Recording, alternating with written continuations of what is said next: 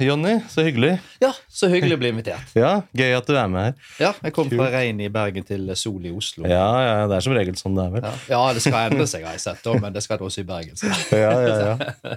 Men du, det er mye spennende som skjer for dere nå for tida. Altså. Ja, helt uh, vanvittig. Ja. Det er, livet er blitt uh, travelt, kan du si. Ah, ja. Mye mer enn jeg hadde forestilt meg at det kom til å, å bli. Så det er jo en vanvittig reise vi er på. Ja, Helt surrealistisk. virkelig. For det er bare Hvor mange måneder siden, er siden dere starta opp nå? Det Men vi startet jo eh, eh, Norsk Kjernekraft eh, for ett år siden, i juli i fjor. Ja. Så lå vi helt lavt, eh, vi sa ingenting om det da. Ja. Men så plukket VG det opp i september. Ja. Og det var én time før vi faktisk skulle annonsere det, så plukket VG det opp. Da ringte de Wow. meg. Da lå jeg i sengen.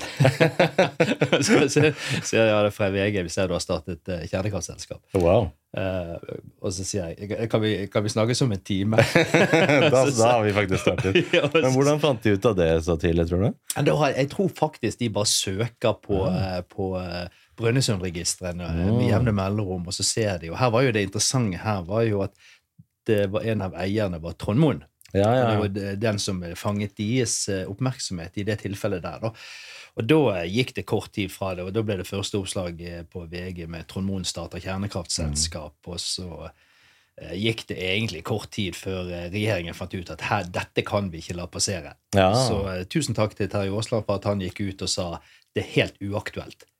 Eh, hadde jeg vært han, så hadde jeg ikke sagt det. da. Men eh, ved at han sa det, så ble det plutselig en, en, eh, en voldsom debatt rundt. Ja. Og så var det akkurat som eh, vi antente noe. Det var noe som har lagt der. Det har vært strømkrise, det har vært eh, krig i Ukraina, der forsyningssikkerheten var et problem. Eh, Det har, det har vært det med Fosen-konflikten og disse tingene her. Så det var akkurat så det var noe som lå klart til å bli antent. Folk hadde ventet på det. Mm. Og vi kom på et veldig riktig tidspunkt. Det trodde jo vi for så vidt at vi gjorde også. Det var litt av grunnen til at vi startet det når vi startet det. Vi sa timingen er rett nå. Men eh, vi var vel ikke forberedt på at han var så riktig, da. For det tok bare fullstendig av. Hva var det som, hvor ligger din interesse på en måte i kjernekraft? Hva er det som gjorde at du hadde tenkt at hm, la meg starte et kjernekraftselskap? Liksom? Hvor kommer den interessen fra hos deg? Ja, altså I utgangspunktet så er jo jeg en geolog, geofysiker. Eh, Så det er jo eh, eh, Jeg har eh, jobbet med det i alle år. eh, Tatt eh, doktorgraden innenfor strukturgeologi, altså deformasjon av bergarter. Og så eh, endte jo jeg opp sånn som mange geologer i Norge gjør. Vi begynner å jobbe i Statoil på den tiden. Dette var jo tilbake til eh, 91. Så, eh, så jeg har jo jobbet i oljebransjen. Det er det som jeg har jobbet med. Men i, i 2002 så ble jeg professor på Universitetet i Bergen. Var det i eh, en eh, årrekke. Eh, Men så fikk jeg også da mulighet til å starte andre oljeselskaper. Og da gikk jeg inn og ledet disse oljeselskapene. Så, og som leder for et oljeselskap så er jo på en måte noe av det du virkelig bør sette deg inn i, er jo hvordan er energisituasjonen i verden. Ja. Og det å begynne, for det, er, det tar årevis å skjønne hvordan energikompleksitet fungerer. Ja. Så eh, jeg begynte å sette meg inn i det. rett og slett. Det var litt eh, også spesielt fordi at i 2014, høsten 2014 så kom oljekrisen. ja. Og da kom også det grønne skiftet for fullt. Mm -hmm. da, var, da, var det, da var det plutselig veldig upopulært å være geologistudent og være geolog, og det var upopulært å jobbe i oljebransjen. Mm. Så eh, det vi så da, eh, det var jo at eh, det ble en usikkerhet om framtiden til olje og gass. Ja. Og da begynte jeg å se litt an, hvor raskt kan, hva er realistisk å få til med det grønne skiftet? Mm. Hvor raskt kan dette egentlig gå? Ja. Og det jeg fant ut, var jo at det går ikke i nærheten så raskt som det folk tror og Ja. håper at det skal gjøre. Ikke i nærheten. Vi har ikke kjangs å nå de målene som verden setter seg fore. Eh, Og Det betyr også at eh, olje og gass kommer til å, å være viktig i framtiden. Men så er det sånn, hvorfor får vi ikke det til? Hva er det som gjør at ikke vi klarer det? Mm. Så gjorde jeg masse analyser på det, eh, og etter hvert så så jeg jo at eh, kjernekraft har jo vært undervurdert i energimiksen.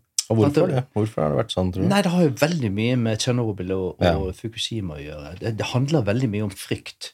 Sånn, i, I bunn og grunn. altså Hvis det sier noe at uh, kjernekraft uh, ikke for, kunne forårsake ulykker, at ikke det kunne uh, Det var ingen problemer Ja. med avfall, det var ikke noe farlig avfall eller noen ting, ville folk da vært så redd for kjernekraft. Da hadde det plutselig kanskje vært en helt annen situasjon. Det hadde kanskje vært den eneste energiformen vi, vi brukte, fordi Ja. det er så effektivt. Ja, og det var jo det de prøvde på, på 70-tallet og Ja. på 80-tallet. Men Tsjernobyl-ulykken satte jo en ganske effektiv stopp for dette. Pluss at det var mange naturvernorganisasjoner, natur- og miljøvernorganisasjoner som kjempet veldig imot eh, kjernekraft. Ofte sponset av oljebransjen, for Ja. det var jo en klar konkurrent.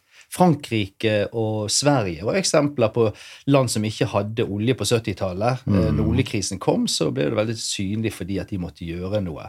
Så da ble det bygget opp eh, ganske massivt eh, kjernekraft i noen land i verden, og spesielt da Frankrike og, og sånn som Sverige. Og de fikk jo bygget opp mye lavkarbon. I Norge var jo det også en veldig debatt om eh, kjernekraft. Vi skulle jo ha kjernekraft i Norge på den tiden også.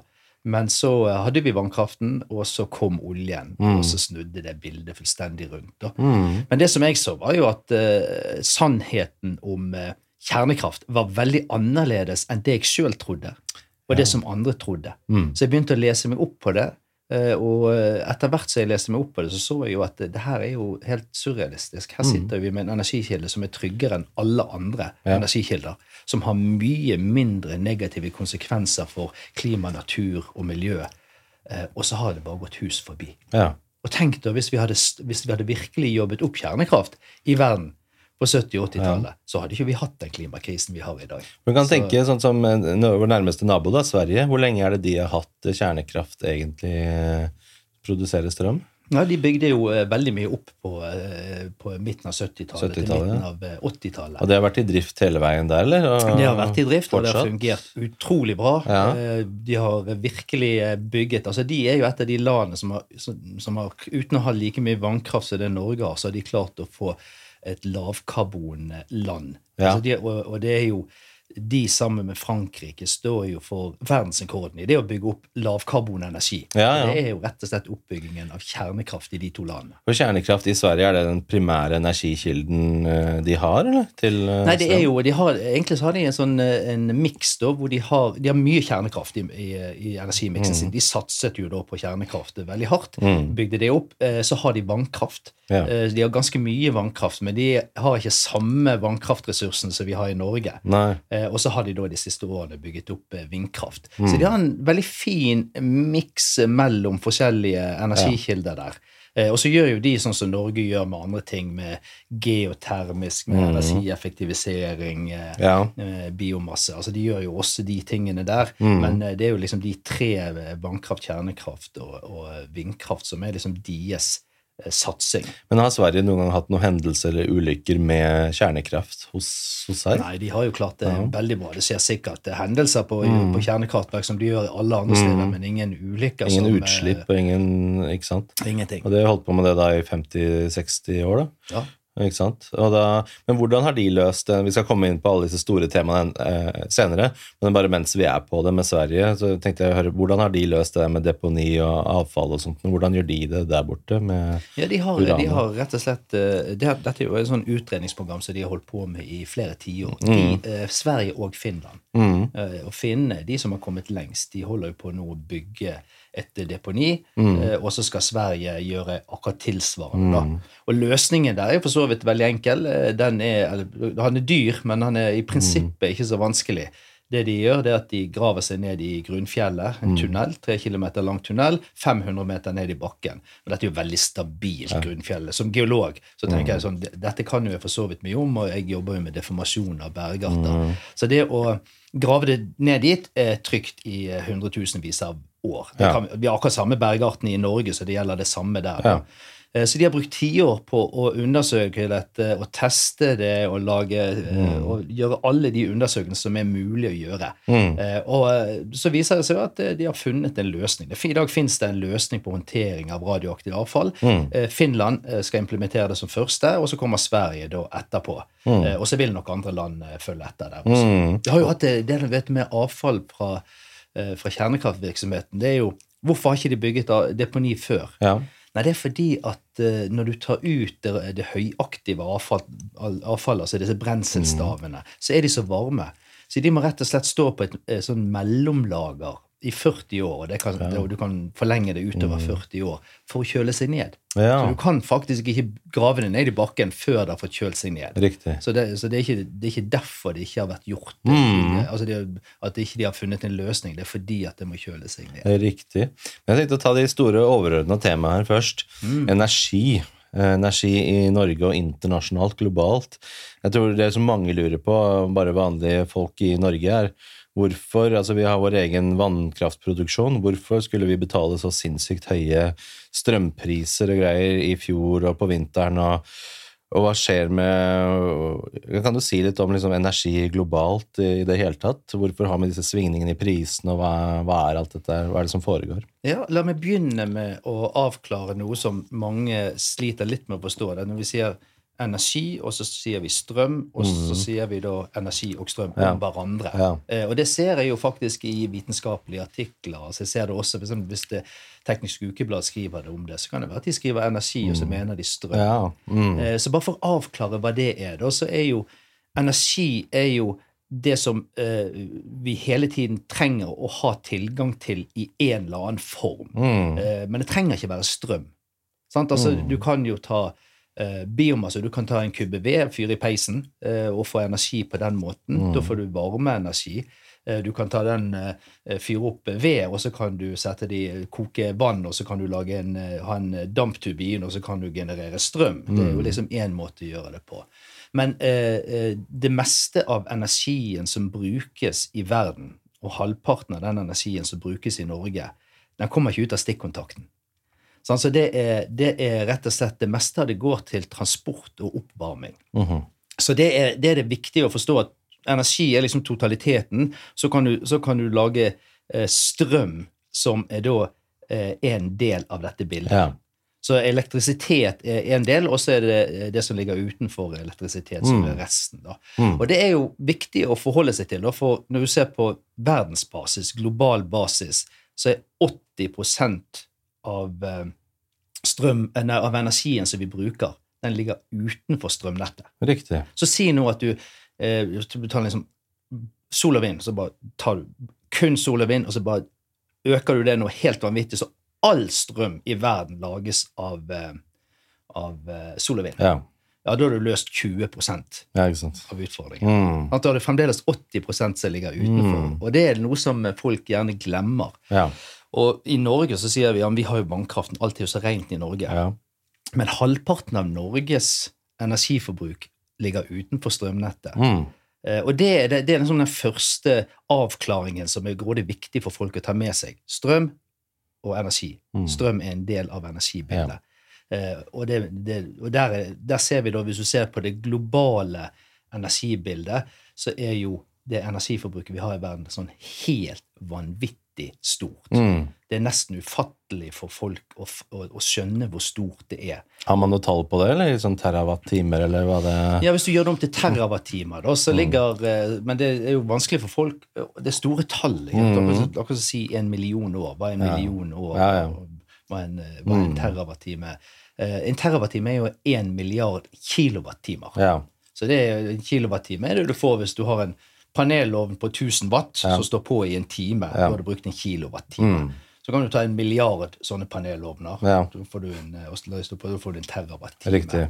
Så det er liksom det, det er en måleenhet de bruker. Da. Man kan prøve å illustrere det på annet vis, men totalt i verden så bruker vi 160 000 terawattimer med energi. Sant? Og Terawattimer brukes ofte om strøm, og så bruker, Mm. Ja, ja. De, bruker de gjerne joule, petajoule, Ja, ja. eh, om eh, energi. Så det, vi skal ikke gjøre det for vanskelig. Ja, Men Men det er 160 000. Er det per, per hva da?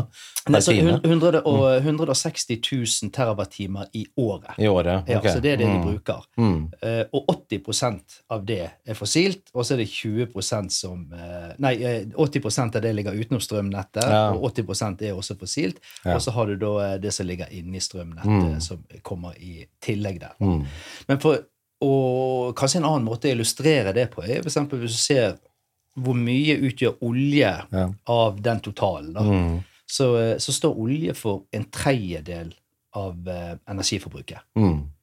Eh, og det er eh, oljeforbruket i verden det er 100 millioner fat hver eneste dag. Og så, og så er det sånn, ja, Hvor mye. er det, da? Jo, du kan jo ta altså Et sånt fat, et fat olje, Ja, ja. de kaller det for eh, blue barrel. Ja, Eh, Og det, var, det går tilbake igjen til USA når de begynte å produsere olje i USA. riktig. Så tenkte jeg, hva skal vi lagre dette på? Så fant de ut at ja, vi har jo vintønner, eller sånn sherryfat. Men så for at ikke de skulle ta feil, da, at det var- sherry eller olje som var på de, så malte de disse her fatene blå. Ja. Eh, og derfor eh, kaller de for blue barrels, og så er forkortelsen er BB. Eh, Riktig. Sånn at det, det, folk lurer, som tenker av og til en tønne som Ja, ja. vi ser i dag. Men en, en sånn blue barrel inneholder 159 liter med olje. Riktig. Eh, mens en sånn tønne som vi ofte tenker på, sånn fat som Ja. vi tenker på, er 210, tror okay. jeg. Noe der omkring. da. Ja.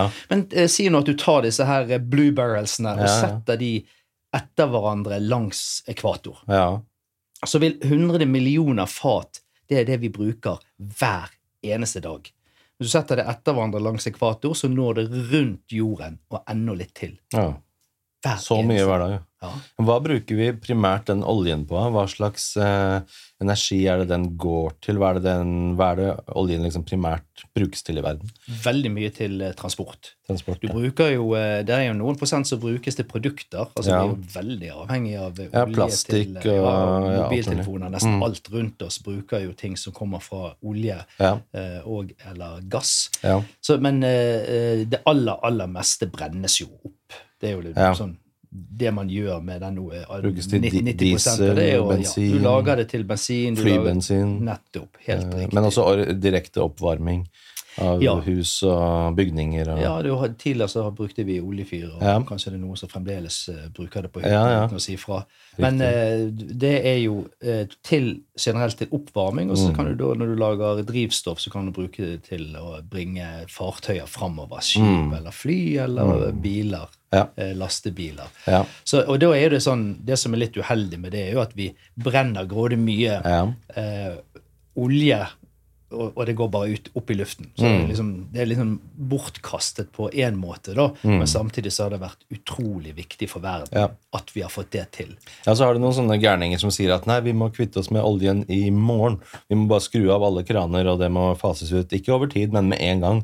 Og jeg tenker på sånn, Har du egentlig tenkt over hva du sier da? Hva ville, hva ville skjedd i verden da hvis man faktisk gjorde det? Man bare skrudde av olje, oljeplattformer, ikke hentet opp noe mer olje, ingen fikk lenger noe tilgang til olje, sånn som de utopiske klimaaktivistene sier. Hva, liksom Fra en fagmann, hva hadde skjedd da i verden hvis man gjorde det? Ingen fikk tilgang til olje lenger Ja, det, det, det ville jo vært en fullstendig katastrofe for, eh, for verden. da. Mm. Jeg tror for, for å forstå det, eh, så må vi se litt på hva er det som skjer i verden i dag? Mm. Hva er det som har skjedd de siste årene? Fordi at vi går jo rundt og så tenker vi at eh, dette med klimaendringene, det er det, Vi hører det hele tiden. Det er den største trussel mot Mm. menneskeheten. Og hvis ikke vi gjør noe, så kan det bli flere graders Mm. oppvarming, og noen steder mye mer.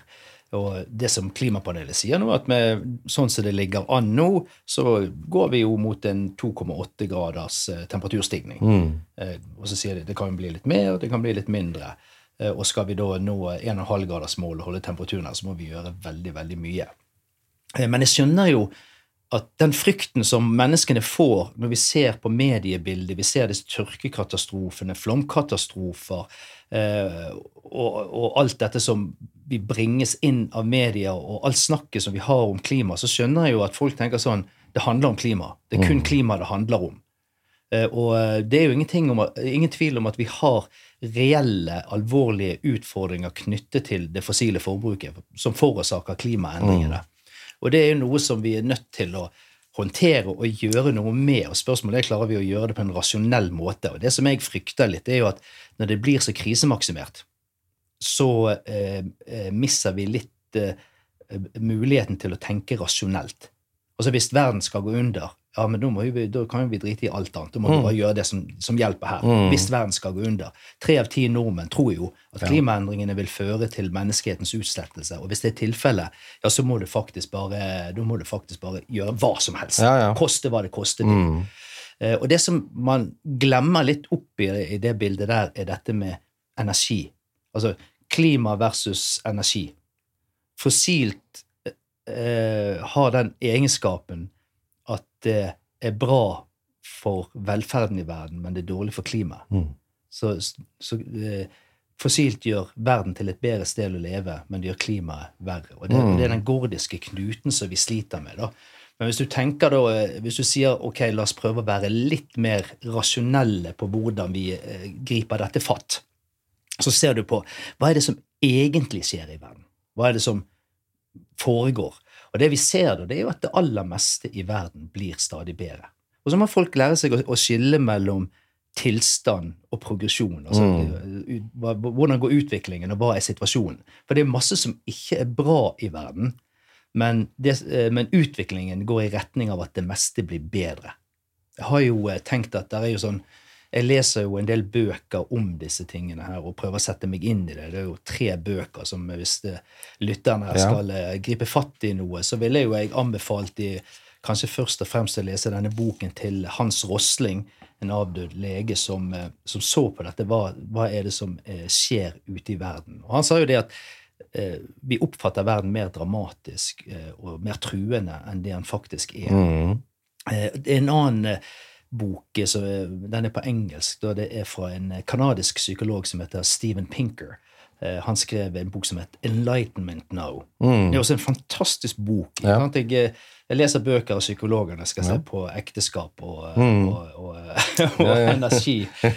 Og han, Steven Pinker han viser litt det samme som Hans Rosling, men viser på en litt annen måte på hvordan, hvordan eh, verden utvikler seg Mm. og viser eh, at ting blir, eh, blir stadig bedre. Ja.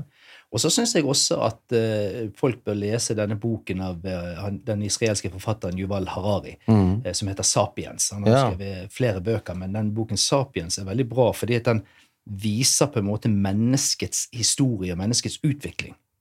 Og det du, kan, det du får ut av å lese sånne bøker, det er at du begynner å skjønne hvor viktig energi er. Bare for å illustrere det, så, så hvis du går liksom 200 år tilbake i tid, så levde så å si alle menneskene i ekstrem fattigdom. Og det er jo sånn, du, Hvis du inflasjonsjusterer det, så blir det sånn du, du lever for mindre enn eh, 20 kroner dagen. Eh, Og det er vanskelig. Mm. Når vi ser mindre, så er det mange som ikke har noen ting i det hele tatt. Mm. Eh, Og der er 700 millioner mennesker i dag som lever i ekstrem fattigdom. Men i dag er vi faktisk blitt eh, eh, 8 milliarder. Vi har passert 8 milliarder nå. Så, men for 200 år siden så var vi bare 1 milliard mennesker på jorden. Og, og nesten alle levde i ekstrem fattigdom. Ja. Så det var en veldig tøff situasjon. Ting var ikke bedre før. Det var vanskeligere før. Og så, så vi, ser vi da at uh, når du kommer liksom utover, så, så ser vi at uh, vi blir litt, litt flere og litt flere og litt flere. Uh, og så stiger da den ekstreme fattigdommen litt flere og flere. Men så kommer du til 1970. Og, så, og da får du en eksplosjon i befolkningsvekst. Mm. Uh, og den uh, fra etter uh, Det begynte vel egentlig etter andre verdenskrig, så begynte det å stige. da. Og så så du da at den ekstreme fattigdommen begynte å stige. Men så plutselig kom til 1970. Så begynte ekstrem fattigdom å synke. Hva var det som skjedde da? Hvorfor Ja, sank den? det er ganske interessant. For det liksom, hva var det som skjedde i Mhm. 1970 som gjorde at plutselig begynte det faktiske antallet ekstremt fattige i verden å synke? Mm. Fra at vi da eh, gikk fra Da var vi kanskje to-tre milliarder, og så er vi kommet opp til åtte nå. Så antallet eh, ekstremt fattige sunket fra litt over en milliard til, eh, til eh, Nei, fra flere, flere milliarder til, Mm. til 700 millioner. Ja, ja. Det som skjedde, var rett og slett at da fikk vi muligheten til å formidle og distribuere energi, effektiv energi. For eh, 200 år siden så var jo det Den energien man hadde tilgjengelig, var jo biomasse. Det var tørket kumøkk, Ja. eh, det var ved, eh, kvister og sånne ting som man Kull. brukte. Ja. Mm. ja, så kom kull inn. Det Mm. kom jo inn eh, Senere, ja. eh, etter hvert, da. Mm. Eh, Og det, da, det lagde jo en fantastisk revolusjon. Mm. Det var jo begynnelsen på den industrielle revolusjonen. Ja, til, da. og alt Ja. mulig. Mm. Men eh, det, som, det som skjedde, var at vi, vi, vi fikk den industrielle revolusjonen som en følge av at vi fikk tilgang til fossil energi. Ja, sant. Og da begynte vi å lage maskiner. Når vi lagde maskiner, vi kunne lage fly, vi kunne fly inn nødhjelpsprogrammer. Mm. Det gikk an å lage husene mer solide. Du hadde gravemaskiner, du Mm. kunne gjøre, lage bygningsmaterialer mer solide. ikke sant? Mm. Så uh, den nyttbare energien, den eksploderte. Tilgang til nyttbar uh, energi eksploderte. egentlig nesten over hele verden. Det var jo en del land som da hang etter. Sant? På 70-tallet så før, før det, hvis vi går liksom 100 år tilbake, så var liksom hele verden ekstrem fattigdom. På 70-tallet, eh, da var jo jeg eh, gikk jo jeg inn og ble tenåring, ikke sant? men jeg hørte jo om disse her eh, utviklingslandene og de industrielle landene. Det var Bangladesh, det var flomkatastrofer, og det døde hundretusenvis av mennesker i disse katastrofene. Eh, og, og det var kvasjokor med ernæringsproblemer. Men eh, det som vi, så- det, Og da var, det, da var det også de. Da var verden bare todelt. Men eh, så, eh, fra 70 og utover, så så vi at eh, land som Bangladesh beveget seg ut av ekstrem fattigdom. Antall, menn, antall barn som de fødte i familien, begynte å synke. Sant? Fra 12 til 10 til 8, og nå er det vel kanskje nede i rundt 2 eh, i sånne land. Eh, og det er rett og slett Når de får tilgang til energi, så klarer de seg bedre. Da får de mat på bordet, de ruster seg mot naturkatastrofer, eh, og spesielt da er det den nyttbare energien. Så hvis du ser bare på 200 år så har vi gått fra 1 milliard mennesker til 8 milliarder mennesker. Mm. Eh, Men eh, tilgangen til energi har blitt fire ganger mer per person. Mm. Så selv om vi har blitt mange flere, så har hver person fått fire ganger mer energi tilgjengelig. Ja. Men det er den nyttbare energien som er det viktigste. Mm. Og dette skriver jo en, eh, en forfatter, heter Vaclav Smil, mm -hmm. en av verdens fremste energieksperter. Eh, Holder til i, Canada. Han eh, skriver at den nyttbare energien har økt 700 ganger. Oi. Og det er sånn, ok, Jeg prøver å forklare det litt, men det kan være sånn, hva er nyttbar energi? Så kan du tenke sånn, Hvis du skal lage en mobiltelefon eller en PC eh, av en sekk med ved, Mm. så er det vanskelig. Ja. Så nyttbar energi er at du får tilgang, du kan lage, du kan lage maskiner som går på olje og gass og strøm, ikke sant? Mm. Ja. så du kan utnytte. Det er 700 ganger den økt. Mm. Så dette har skjedd, og når du kom til 70-tallet, så begynte dette å spre seg utover. Kina gikk jo da fra Etter hvert så begynte Kina å komme ut av ekstrem fattigdom, og de begynte å lage fabrikker og, eh, og eksportere ting. Mm. Så, eh, og da stupte ekstrem fattigdom. Og det er det som, når du spurte liksom, hva skjer hvis vi bare kutter Ja. det det fossile Ja. Det er fossil energi som har gjort at dette har skjedd. At vi har eh, eh, fått hatt en vanvittig nedgang i antall ekstremt fattige mennesker. Og det, det er den biten som jeg er også opptatt av å formidle, at vi kan ikke bare ta det vekk. For den gode utviklingen den fortsetter. Selv om folk tror den ikke fortsetter, så er det nedgang i, det, i, i eh, barnedødelighet, det er nedgang i analfabetisme, det er en økning i levealder. eh, det er ting, folk som dør i naturkatastrofer, er mye, mye færre. Så selv om temperaturen stiger, så, eh, så er det færre som dør i naturkatastrofer. Naturkatastrofer ligger nederst på listen over dødsårsaker. Men hva hadde skjedd, hva hadde skjedd liksom rett, rent konkret hvis man hadde faktisk skrudd igjen kranene rent fysisk? og nei, Ikke noe mer olje til verden fra og med i morgen. Sånn som de eh, klimaaktivistene liksom vil, da, som ikke har tenkt gjennom dette her så langt. Hva hadde skjedd i verden da? Nei, Da går du inn i en degrowth, som Ja. eh, en del mennesker sier at det er det de vil ha. Mm. Og det, er det vil være en forferdelig katastrofe for menneskeheten. På hvilken måte? Nei, det er rett og slett at da får, nei, hvis, du, hvis du tar vekk energitilgang fra mennesker, og du tar det vekk for raskt, sier du liksom, nå kutter vi Mm. Over natten. over natten så kutter vi eh, tilgangen til, eh, til den energien de Ja, har. all olje blir borte over natta. Ja. Da har de ikke mulighet til å beskytte seg mot eh, klimaendringene. De har ikke mulighet til å besky- å, å beskytte seg mot eh, eh, jordskjelv og bygge husene solide. De klarer ikke å eh, skaffe mat på bordet. De klarer ikke å få tilgang til effektive effektiv eh, å drive jordbruk på, for det er jo en av de tingene som eh, naturgass har bidratt til. Sant? Og det her at du kan få eh, gjødsel som gjør at du kan få veldig effektiv matproduksjon. Mm. Eh, Nitrogen og Ja, Juval Harari skriver masse masse bra om det. da. mm. Du bringer da eh, disse landene tilbake igjen til ekstrem fattigdom. Til middelalderen, liksom. Ja, og, det, og, Mm. og konsekvensene av det er så, er så groteske at jeg kan nesten ikke tenke på de engang. Jeg blir helt, jeg blir helt lamslått når jeg hører eh, nordmenn, norske politikere, naturvernere som står der og sier vi må bare kutte Ja, ja. produksjonen av olje og gass. De har ikke satt seg inn i energikompleksitet. Bare for å illustrere det, da. De siste 30 årene så har energiforbruket i verden det har økt 60 Mm.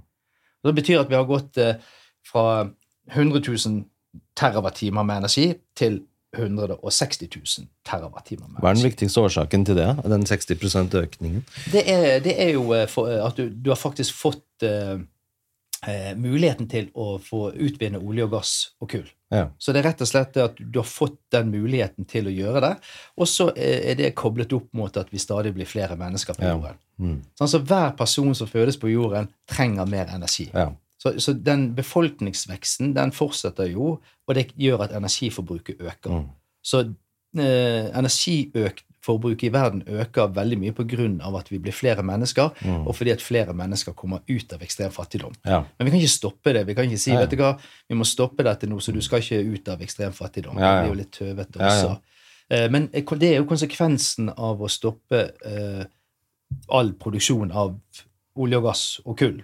Det Mm. er jo rett og slett at da får de ikke tilgang til den energien. Da får ikke folk varmet husene sine, du får ikke reist noe sted, all flytransport stopper opp, all langtransport stopper opp, all, alle biler som går på fossil energi, folk får ikke kommet seg noe sted, matproduksjon Ja. Eh, Distribusjon av eh, medisiner. eh, Alt det sammen. Mm. Så, så bare for å illustrere hvorfor dette er så vanskelig, da, så, så eh, eh, hvis du går til 30 år tilbake i tid, så brukte vi 100 000 terawattimer. Mm. Da, for 30 år siden så var fornybarandelen i den totale energimiksen den var 12, eh, 14 mm.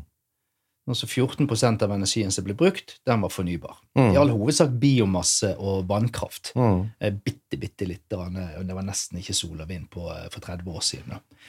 Eh, og, så da, og i dag, 30 år senere, så er den andelen gått fra 14% til 12 Ja, Sånn at fornybar andel i energimiksen har gått ned. hvorfor det? Det er rett og slett fordi at eh, energiforbruket i verden øker raskere enn det fornybart Sånn, klarer å vokse. Ja, Så, og, og så må vi huske på det når vi sier sol og vind vokser så vanvittig. ja, Ja, men da er vi tilbake til den der at eh, strøm er bare en bitte liten andel av eh, en femtedel av det Ja, totale energiforbruket. ja. Så selv om det vokser veldig mye innenfor strømforbruket, så får ikke det så stor global betydning. Det holder ikke tritt. Og så er det sånn når du går fra ingenting Du kan doble nesten ingenting, Ja, så blir det fremdeles nesten ingenting. ja, ja. ja, ja. Hvis du hadde doblet oljeforbruket i verden, så hadde det vært en vanvittig effekt. Men du dobler eh, solkraftproduksjonen i verden, så blir, så blir ikke han så veldig mye mer Hvorfor får man så lite effektivitet ut av solenergi? Jeg har hørt at det er eh, voldsomt lite energi man, eller strøm man får ut av det, og det krever ekstremt store arealer. Hvorfor er det sånn, egentlig? Ja, det har jo eh, altså, Da går vi inn på dette med energi. Det er to ting der. Mm. Det ene er jo når solen skinner. Ja. sant? Det skinner jo midt på dagen, og så eh, går det litt, blir det dårligere og dårligere effekt eh, Ja. fra morgenen til midt på dagen, og fra ettermiddagen og utover til solen går Mm. ned. Sånn at eh, eh, hvis du har et solcellepanel, så leverer det i snitt strøm eh, kanskje en femtedel av tiden. Mm. En femtedel av døgnet så Ja. du da så, så det, Vi kaller det for kapasitetsfaktor. Ja. Altså hvor Hvis du installerer en eh, megawatt med sol, Mm. eh, hvor, mye hvor mye strømproduksjon får du ut av den Ja. megawatten? Og hvis du ser f.eks. et kjernekraftverk, så har jo det en kapasitetsfaktor på over 90 mens Ja. sol ligger på kanskje 20 eller kanskje 25 mm. Det kommer litt an på hvor du er i verden. da.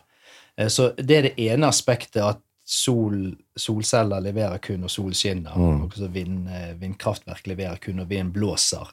Men det andre er jo dette med energitetthet. Eh, Igjen så er det en eh, Smil som har skrevet eh, bøker om dette. da. Mm. Eh, Men det er også en annen Der, der er igjen noen bokanbefalinger. ja, gjerne. Jeg skriver Så- opp en liste under episoden med bøkene ja, så, så Vaklav Smil har skrevet en bok som heter Energy Transitions. Ok.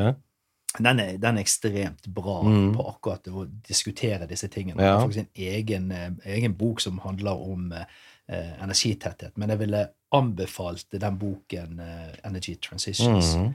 Og så er det en annen bok, en fantastisk forfatter, han er død også nå, da. En, ikke en, en fantastisk fysiker, mm. som var energirådgiver til den britiske regjeringen. mm. Eh, heter eh, David Mackay. Mhm. Han har skrevet en bok som eh, det var Sunniva Rose som anbefalte den til meg, da, eh, som heter Sustainable Energy, bindestrek, Without the Hot Air.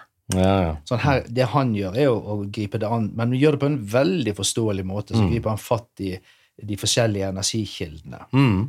Så absolutt en bok som bør leses. Mm. Siste bok når vi først er i gang Ja, med det. Det er en som jeg leste i sommer. på anbefaling fra en av de nye eh, eierne våre. Eh, og den, det er en bok fra Robert Bryce Mhm. som heter uh, Power eh, Jeg skal se om jeg kommer på Ja, ja. hva den faktisk Absolutt. heter. Jeg har det sikkert liggende et eller annet sted der. Jeg skal komme tilbake til ja. ja. Jeg kan komme med en Han heter boka- Der, A. Question of Power, heter den. Ja, Robert Bryce. kult. Eh, det er også sånn, eh, For å forstå dette med hvordan energisystemene fungerer eh, Men det, det som vi ser, da, det er at sol og vind og vann og biomasse og til dels geotermisk eh, energi Mm. er ekstremt arealkrevende. Altså, Ja. De bruker veldig mye areal for den energien du får igjen. Ja. Altså, tenk deg eksempel at du, du, du har en, en vei, og så kjører det biler på den veien. Si de kjører i 80 km i timen, og så er det 80 meter mellom dem. Mm. Og så ved siden av den veien så er det en åker, sånn biomasseåker. da. Ja, ja. Dyrker rapsolje Ja, ja, ja. mais eller et eller annet. De skal lage, sånn, de skal lage syntetisk eller de skal lage drivstoff av det. Eh, og så skal de fôre det på de bilene som kjører forbi. Mm. Sånn at den åkeren ved siden av den skal fôre alle biler som kjører forbi, akkurat der de kjører forbi. Mm. Hvor brei må den åkeren være? ja. Sikkert sinnssykt, tror jeg. Eh, 32 km. Fy faen. Altså, det, det er, altså, biomasse er så utrolig lite eh, energieffektivt. Ja, ja. Og så kommer det da med, med fossilt. Det er jo veldig mye mer energieffektivt. Og det mest energitette du kan få, er jo da eh, uran. Ja. Altså, hvis du har kjernekraft, så er Ja. det utrolig. Og der ligger jo da den utfordringen at hvis du f.eks. skal bygge ut vindkraft eh, eller solkraft, så krever det store arealer. Mm. Og da kommer, da kommer det opp i et av de store problemene som Vaklav Smil bringer fram. Da, det at eh, da er du nødt til å desentralisere kraftproduksjonen ut i fjellheimen og Ja. steder hvor det, ikke, hvor det ikke bor folk, hvor du kan ha store kraftverk. Ja. Så du desentraliserer eh, kraftproduksjonen din og trenger store arealer til der. Og så sier han at utfordringen med det er jo at du sentraliserer jo verdens befolkning. Ja. Så i, I økende grad så flytter mennesker inn til byer. De flytter fra landsbyene og så, og så bosetter de seg i byene. Sånn at verdens befolkning i økende grad sentraliseres. Og eh, konsekvensen av det er jo at du skal ta desentralisert strøm og transportere, så du må bygge opp hele, eh, hele distribusjonsnettet på nytt igjen for å få dette til å fungere. Og der, der får vi da disse konfliktene som vi ser. Når du har eh, arealkrevende energi, så er det jo, så det ene er jo at det er væravhengig som har med forsyningssikkerhet å gjøre, men at det arealkrevende skaper jo gjerne konflikter som Mm. eh, vi er nødt til å forholde oss til. Mm. Og det, er, det ser vi veldig godt i Norge med Fosen-konflikten. eh, Ja. eh, Vi ser det diskusjonen som kommer nå med Melkøya osv. Mm. Mm. Ta, mens jeg husker det, så har jeg også en bokanbefaling her. Jeg kjøpte en sånn etteranbefaling, en sånn type coffee table book. Som, en coffee table book som folk burde ha liggende på bordet sitt. Ta med jakken imellom. Ja, gjør det. Og den er skrevet av Ronald Bailey og Marty, Marian Tupi. Uh, og de har fått med seg masse folk um, som er um, sånne nobelprisvinnere og greier. Har satt sammen en bok som heter Ten Global Trends Every Smart Person Should Know. And many other things you will find interesting. Som handler om alt som går bra i verden. Da. Alle positive ting. Så har de laget masse grafer og utregninger på alt som faktisk går bedre. Global access to improved drinking water sources. Uh, price of uh, solar cells. Global hours work to produce light fra 1800-tallet til nå. Uh, global fish consumption and production. Water productivity. Global child labor trends som går ned. Um, alt mulig rart av positive global cancer death rates som går rett ned i bakken. Eh, pressefrihet, alt mulig rart. Altså women in politics. Ting som man ikke hører om i media, da, for media er så opptatt av å skrive liksom negative ting. Negative ting i media. Og den, eh, det er en sånn fin bok som du kan ha liggende på kontor og på coffee table, som folk kan bla i, for å se hvor mye ting som faktisk går veldig bra i verden. Ja, det, da- det jo, høres jo veldig ut i, i tråd med den uh, Steven Pinker og eh, Hans Mm. Rosling sine bøker. Mm. At vi, at vi, må, vi må av og til lene oss litt tilbake og si hva er fakta? Ja, Altså, Ni av ti mennesker tror jo det motsatte av det den boken her viser. ja, ja. Ni av ti mennesker, eh, ni av ti nordmenn Ja. faktisk tror at eh, det meste i verden blir verre. Ja, og så sa du en stat, statistikk i stad med at hvor mange i Norge som tror at verden går under. på Ja, det er tre av ti. Tre av ti, tenkte jeg, så sykt høyt tall. Men det er jo ikke sant i det hele tatt. Og selv ikke den der FNs klimarapport sier på noe som helst sted at verden går under pga. dette. her. De sier bare at det vil bli utfordringer, men det står ingen steder at det er dommedag og at verden går under. Nei. Så det, jeg tenker, Hva tenker du? Men min teori er at det er media sin skyld, som skal selge klikk og annonser og avisartikler. Så skriver de det som om det er dommedag, og så får de folk til å klikke på det fordi frykt selger. Ja. Det, hvis du går liksom sånn langt tilbake i tid, Mm. eh, og hvordan, hvis du ser liksom, hvor, hvor- hvordan har vi mennesker klart å overleve, og hvordan har vi kommet der vi er, Mm. så er jo eh, frykt er jo en utrolig sentral ting for overlevelse. Ja. Altså Hvis vi eh, møtte løver og tigre og ikke var redd for dem, Mm. så ville vi Ja, hatt et problem, vi mennesker. er Så vi er jo laget for at vi skal, hjernen vår skal gå inn i en eller annen flight, eh, Mm. flight or fight-modus, Ja. og hvor eh, ting går i svart. Ja. Sånn som det skjedde med han som ble angrepet av bjørn. Ja, ja. At bare, de, de husker faktisk ikke hva som skjedde, de bare, det går i svart. Det lønner seg. Og, og, og kroppen går inn i en Fordi de skjønner at uh, et menneske kan ikke slåss. i. Så den frykten er helt sentral for at eh, mennesker har klart å overleve. Det tror jeg sitter da Genetisk så sitter vi igjen med det Mm. eh, i dag også. Så det frykt driver oss hele tiden. Mm. Eh, og det ønsker jo vi. Så du kan si vi kan ikke skylde på media, fordi at media gir oss jo det vi vil ha. Mm. Og vi syns jo eh, kjernekraftverk som går i luften, er jo det, det, det skal vi lese om. Du så jo, Nå kom jo For et par dager siden så kom VG ut med at eh, millioner av radioaktivt vann skal nå slippes ut Ja, i. Stillehavet. Ja. Og, og det var sånn Ok, Mm. herregud, det er jo. Det er jo, det er jo ufattelig farlig. Det er det man tror når man ser overskriften. Og så var det en, eh, en jeg er med i det sånn en eh, fora da, på, som vi diskuterer litt, så sier det at Uh, det var han Øystein Hegdal, han landbruksjournalisten som uh, jeg har referert til tidligere, da.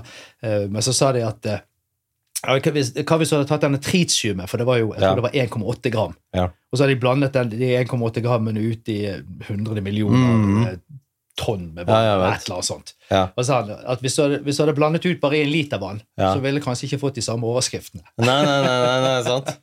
Og så var det også det var så og så mange gram, og så jeg tror jeg leste noe også at det var egentlig resten av havet så er det 50 kilo av det eller et eller annet fra før av. Så Ja, om man legger vel, til eh, ett gram eller et eller annet, så Ja, det har ikke noe å si. det, er så Sunniva. Hun la jo ut et eh, glimrende innlegg på eh, sin Facebook-side i går. Eh, og det, det er jo veldig viktig, for det, det hun bidrar til da, er å ta bort den frykten. Mm. Altså det hun eksempel poengterte, var jo at det vannet som de slipper ut i Stillehavet utenfor eh, Japan, Mm. det er eh, mindre altså Det ligger langt, langt under grensene som Verdens helseorganisasjon har satt for drikkevann. Ja. Sånn at eh, det vannet er faktisk så ufarlig at du, det de slipper ut, kan du faktisk drikke. Ja, ja. Det er, og Det det, ligger langt langt under grensene for drikkevann. Så, så det blir en sånn irrasjonell ting. Og så kommer Kina og sier nei, dette skal ikke de ha noe av, og, og derfor skal de stoppe all handel med Japan. Ja, sant? ja. Og de, de bruker det. Men hvis du går inn og ser, så slipper jo eh, Kina ut mer tritium i havet enn Ja, ja. japanerne gjør. Det blir jo bare liksom overskrifter, og det blir som å liksom lage skremselspropaganda av at å, 100 trailere skal slippe ut radioaktive bananer i Stillehavet, og så glemmer du at liksom, jo, alle bananer er radioaktive. Det spiller Ja. ingen rolle. Det sånn, er, man må ha nyansene der. Jeg tror det er viktig å få tilbake at ting er i perspektiv, og klare å se nyansene på hva er egentlig farlig, og hva er ufarlig. Det er ikke nok å si enten-eller. Alle ting i, i verden er vel radioaktive på en eller annen måte, f.eks. Ja, Det betyr ikke at det er noe farlig for det. Nei, og, det, Mm. og der kommer jeg inn på det som du spurte om. Det? Altså det med media, det med frykt. Mm. Altså, når vi blir redd, Mm. så eh, er jo det veldig fort til at vi ikke klarer å handle rasjonelt. Det var jo eh, hun eh, Thunberg, Greta Thunberg som, Ja, ja. Som, som sa det. Ja, Uh, I want you to panic ja, like a hose is on fire, ja. ja. sa hun. Og så tenkte jeg jaså, det er det du vil? Du skal få panikk. Mm. Ja. Det høres veldig rasjonelt ut. Det høres en, en eh, fornuftig ting. Og der kan du se ok, vi har panikk, da stopper vi all produksjon av olje og gass Mm. Ja. og kull. Eh, fordi at må, vi må bare slutte med en Mm. gang. Og så bringer vi verden ut i ekstrem fattigdom igjen. Ja. Så eh, det der å kunne klare å skille mellom hva som er sant og ikke sant, og da viser jo den boken du nettopp refererte til, eller Hans Rosling eller Steven Pinker, de Mm. viser jo det at tingene er ikke sånn som vi tror. Ja. Vi tror feil om verden. Vi Mm. tror den er mer dramatisk, mer voldelig, mer skremmende enn det den faktisk egentlig er. Mm. Og da har jo vi behov for sånne som Sunniva som går ut og sier vent litt, Rane, la oss rasjonalisere dette Mm. litt ned. Eller hun og meg har skrevet mange kronikker om disse tingene. Mm. sant? Hvor vi sier at eh, hva er sant i verden? Eh, Men det er selvfølgelig en flystyrt er mer spektakulær og får mer oppmerksomhet enn en bilulykke. Mm. Og i hvert fall mer enn eh, hvis det dør noen av partikkelforurensning fra kull. Ja. For det er jo, eh, det er jo den Vi er laget sånn at vi Det som kommer snikende, er ikke vi fullt så oppmerksom på som, som det som skjer umiddelbart. Naturkatastrofer selger, ikke sant? Mm. Eh, Spektakulære ting. Ja, du ser sånn som nå, så, så nå var jo dette her, dette ekstremværet Hans Mm. i Norge. Eh, og da, Jeg blir litt skuffet over forskere, da, for da ser vi også klimaforskere som går ut og sier her, her ser vi eh, klimaendringene. Ja. Dette, eh, Hans er, Ja. eh, viser klimaendringene. Hvordan vet de det, liksom? Hvor er kausale forbindelsen der? Altså, Hans er et ekstremvær. Mm. Det, det, altså, det viser ikke noe som helst med klimaendringene. Det er så- Egentlig normalvær i Bergen, da. men Ja. for resten av Norge. Ja, og så kan du si at, eh, at eh, ekstremvær så av den typen Hans er, det er ekstremt alvorlig, Mm. Ja. og det rammer veldig mange mennesker, Ja. men det har skjedd før.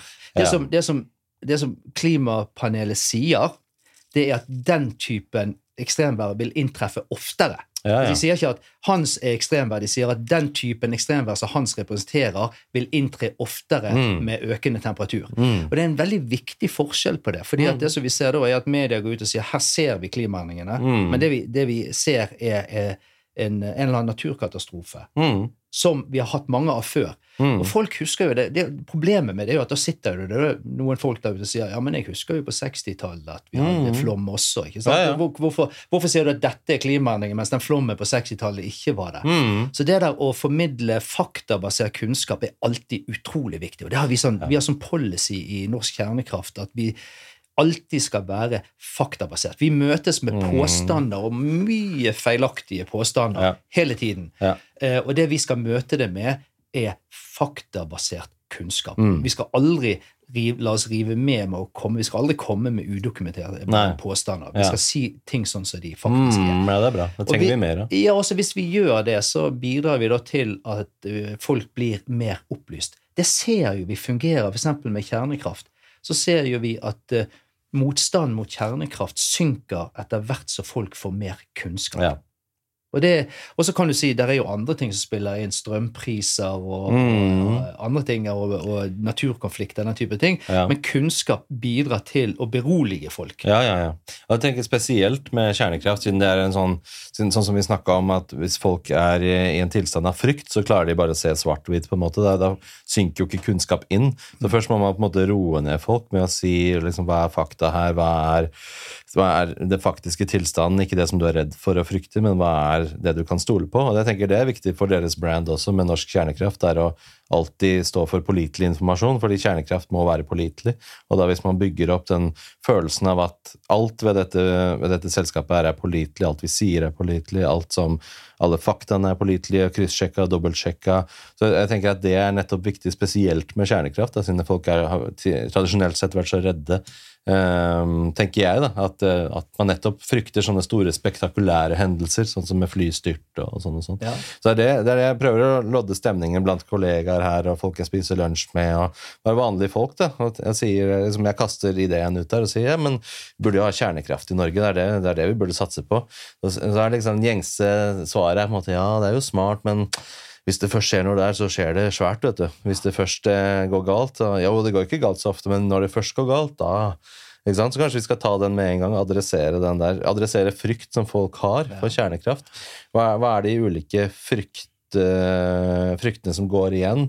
Og kanskje du kan ta den først, den der påstanden med at jo, kjernekraft er trygt, det holder seg langt, lang tid, men hvis det først skjer noe, så er det katastrofalt. Hva, hva sier du til det da? Nei, altså det som, eh, det som man igjen er nødt til å gjøre her, Mm. er å se hva er det som faktisk eh, skjer med de ulykkene som har vært. Tsjernobyl-ulykken, eh, Fukushima-ulykken, Mm. Island-ulykken. Og så må du sette det inn i et perspektiv. Mm. Jeg blir Veldig ofte så skal sånn, vi skal inn, jeg skal bli invitert inn i en debatt om kjernekraft. Mm. Og så sier jeg at det er jo mer interessant å ta en debatt om energi, Mm. hvor du sammenligner. Ja, ja. Sånn, For eh, eh, hvis du da ser ja, det kan skje en ulykke med kjernekraft, og derfor skal ikke vi ha kjernekraft, Mm. Så er det sånn ok, det, da, da slipper jeg i hvert fall at folk dør i kjernekraftulykker. Mm. Men hva er alternativet? Ja, ja. Og det vi ser nå, for Tyskland er jo et kjempegodt eksempel på det. ikke sant? Eh, Der sier vi at eh, ok, der, der, der stenger de ned kjernekraftverkene. Ok, da er det ingen som kommer til å dø i Tyskland av eh, kjernekraft Mm, ja. stråling. Dør noe annet i Ja, de, men hva er, det, hva er det de har gjort? Mm. de, er- de, de, klarer, de klarer ikke å få Det er det er fortalt, det tar tid å bygge opp eh, alternativene, Ja. fornybare alternativer. Så det de, har, det de har gjort, er at kullproduksjonen og kullkraftverkene har økt sin kraftproduksjon. Det har jo masse ulemper. med- Ja, altså Mm. Før de stengte ned, så var det, eh, så var det et studie jeg leste som eh, sa at eh, 1800 mennesker dør årlig av partikkelforurensning fra kull Ja. i Tyskland. Ja, ja. 1800. Og så sier jeg, ok, hvor mange har dødd av kjernekraft? Mm. Det er Verdens helse og det er nesten, så, så å si alt som har dødd av, Mm. eh, i forbindelse med kjernekraft, kommer fra Tsjernobyl-ulykken. Mm. eh, forferdelig bygd og drevet Ja. eh, kjernekraftverk. Men der sier Verdens helseorganisasjon at 4000 mennesker kan totalt sett dø som følge av den ulykken. Ja. 4000. Mm. Ok, Det er totalt gjennom, i alle land, globalt. Fram til nå. I, Ja, og, og framover. Ja, Altså, framover, ja. og fremover okay. også. Eh, 4000, da. Mm. Så i Tyskland så dør det da 1800 hvert år Ja. Av eh, eh, partikkelforurensning fra kull. Mm. Men så har jo de nå stengt ned kjernekraftverkene. Så nå eh, øker jo da dødsfall i Tyskland som følge av eh, partikkelforurensning fra kull. ja. Så jeg regnet jo bitte litt på det, og så fant jeg ut at nå dør det faktisk like mange av partikkelforurenser fra kull i Tyskland hvert år Oi. som har eller vil dø noensinne av Tsjernobyl-ulykken. Ja. Og da er det sånn, ok, så hva er det vi egentlig oppnår med å fase ut kull? Altså Det er frykten som driver tyskerne til å Mm. fase det ut, og det har vært drevet i, av grønne partier og miljøvernorganisasjoner Mm. i, i veldig mange år i Tyskland. De står veldig sterkt der. da. Men hva er det de har oppnådd? Jo, de har oppnådd at de klarer ikke å nå klimamålene sine, og de har opplevd at flere mennesker dør. Ja. Og da, det får du ikke fram hvis ikke du gjør den balanserte vurderingen. ikke sant? Eh, Og det er også det, sånn, eh, Si at du er imot kjernekraft i verden generelt. Ja, Hva er konsekvensen av at du er imot det? Jo, Si da du stenger ned alle kjernekraftverkene. Ja, Da må du bytte det ut med noe annet. Og Hvis ikke du klarer å bygge opp fornybart raskt nok, sånn som jeg har forklart at ikke vi gjør, vel, så bygger du opp mer fossilt. Og Da øker det fossile forbruket. og Da dør det mange flere mennesker. Hvor, Eller hvor mye står, eh, eh, miksen, består miksen av fra kjernekraft i verden i dag, av, av strømproduksjon? Av strømproduksjon så Mm. utgjør den ca. 10 Mm. Så kjernekraft er en av de viktigste kraftkildene i Mm. verden. 10 av, Mm. eh, av det som produseres. Mm. Så du, har jo sånn Ok, så hvis du da tenker Det andre konsekvensen er da at du sier vi faser ut eh, kjernekraft, for vi vil ikke ha det. Mm. Tyskland hadde vært kjempeglad for det. Østerrike, Luxembourg Det er noe, en del Mm. land som ville bare vært superglade hvis det skjedde. Eh, Men det, konsekvensen er at, du ikke, at det blir vanskeligere å få bukt med klimaendringene. Mm. Og si da at temperaturen stiger noen titall, eh, tidels grader ekstra. Mm. Hva er konsekvensen av det? Jo, konsekvensen av det er jo at det er enda flere mennesker som kommer i problemer. Ja. Og så skal du prøve å kvantifisere det, men det, det jeg kan garantere er at de tallene, de dødstallene overstiger veldig fort Mm. det som kommer fra eventuelle ulykker med kjernekraft. Mm.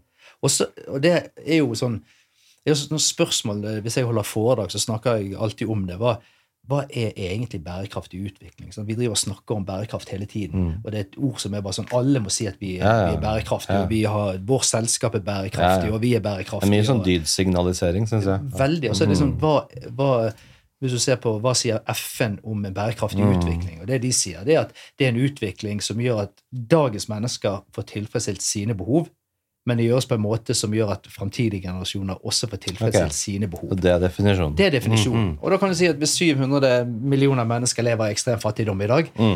eh, 900 mennesker ikke har tilgang, millioner mennesker ikke har tilgang til elektrisitet, og 3 milliarder ikke har tilgang til ren energi for matlaging, Mm. som forårsaker millioner av dødsfall eh, per år pga. innendørs partikkelforurensning. Vel, da har ikke alle mennesker en bærekraftig utvikling. Nei. Det må de få. Ja. Og da må de få tilgang til energi. Men du må gjøre det på en måte som gjør at eh, kommende generasjoner også klarer seg. Mm. Det, er ikke, det er en fin balanse der, og det er ikke enkelt å få til. Mm.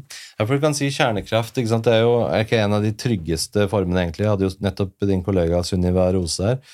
Og Jeg mener Hun tok opp et sånt tall med at de hadde regnet på statistisk sett hvor mange menneskeliv vil gå med som følge av produksjon av kjernekraft. og Da snakka hun om noe sånt som én av én person vil dø hvert 315. år som følge av kjernekraftproduksjon. Ja, Jeg mente det var et eksempel hun ga. da. ja. Um, Det viser jo til altså Det er jo I den debatten om kjernekraft Mm. så er det der er to rapporter. Og det, det er sånn Det er vanskelig å ha en rasjonell debatt med politikere Mm. og folk generelt hvis, hvis, vi, hvis, det bare skal være påstander. Ja. Altså Hvis du sitter og er redd for kjernekraft, Mm. og jeg er ikke redd for kjernekraft, så kan vi sitte og, jeg- så vil jeg påstå at kjernekraft ikke er farlig, og du vil påstå at det er farlig. Ja, så kommer det ingen Du vei. kommer ingen vei. Så den eneste løsningen du har, er jo å søke kunnskap og Ja. informasjon. Og det er jo Jeg har jo vært forsker hele livet. Det er det jeg har drevet med. Så for Mm. meg er det helt naturlig.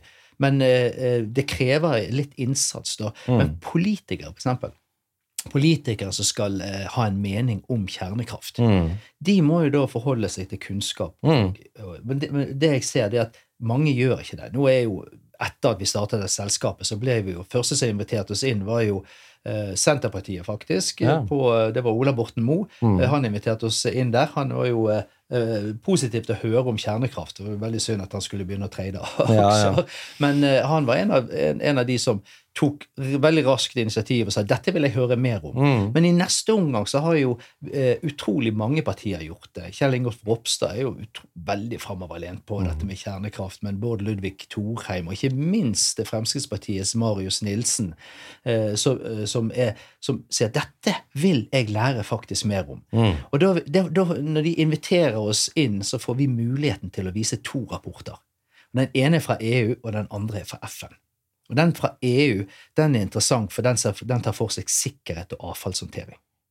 Og, det, eh, og der var det den referansen kom inn fra Sunniva. Mm. Fordi den eh, sier det at moderne kjernekraftverk er den tryggeste energikilden vi har. Mm. Den er faktisk så trygg at hvis du hadde erstattet alle eksisterende kjernekraftverk i verden med den moderne europeiske typen som bygges i dag, eh, European Pressurized Reactors, så kan du forvente som følger med større ulykke ett dødsfall hvert 315 år. Altså ca. tre dødsfall på 1000 år. Mm. Ja. Det så trygt. det. Altså På den tiden har det datt ned mange mennesker fra vindturbiner eller Mm. som monterer solceller på tak. Mm. Eh, og så sier det andre som han sa, det var jo da at eh, når det gjelder avfallshåndtering, så er det helt trygt å lagre det noen hundre meter ned i bakken. Jeg vet ikke om Sunniva også refererte til det, men eh, der sier den rapporten at dersom det mot formodning skulle skje en lekkasje fra et sånt eh, deponi i fjern framtid, så er stråledosene menneskene blir utsatt for, det tilsvarer å spise to bananer årlig. Ja. Altså nesten ingenting. Mm. Så trygt er det. Og dette løper vi rundt og er kjempe... Altså, vi vil ikke ha kjernekraft fordi at det kan skje en lekkasje som tilsvarer to bananer i året. Ja. Og istedenfor så skal vi da ta i bruk naturen vår eller Ja, en banan her. Ja. Liksom hatt en til, så hadde vi vært utsatt for nesten- stråling. Hold den på denne siden. jeg kjenner frykten siger, sige. Kalium 40. Radioaktiv banan. Hadde jeg hatt to sånne Ja, det er rett. Men, det var på det nivået, da. Mm. Og så er det den andre rapporten. Så det er den ene rapporten med sikkerhet og, og avfall. Mm. Det er kun, kunnskap som man må erverve seg. Og den andre rapporten, den er jo da fra eh, FNs UNESA, altså det økonomiske organet for EU i Mm. FN. Eh, og det, det de har gjort, det er litt kult. De har gjort livsløpsanalyser. mm. Og det som de livsløpsanalysene viser, er at eh, kjernekraft er det beste valget. Altså det som har minst negativ konsekvens når det kommer til økosystemer. Det går jo på natur, klima, eh, miljø. Så, eh, og så er det minst negativ konsekvens på ressursbruk, det som går på mineraler og metaller. Mm. Fornybart krever mye eh, metaller. Mm. Eh, og så er det da dette med menneskers helse. Det kommer, kjernekraft kommer best ut når det gjelder menneskers Ja. helse, enten du tar med kreft eller ser utenom kreft. Ja.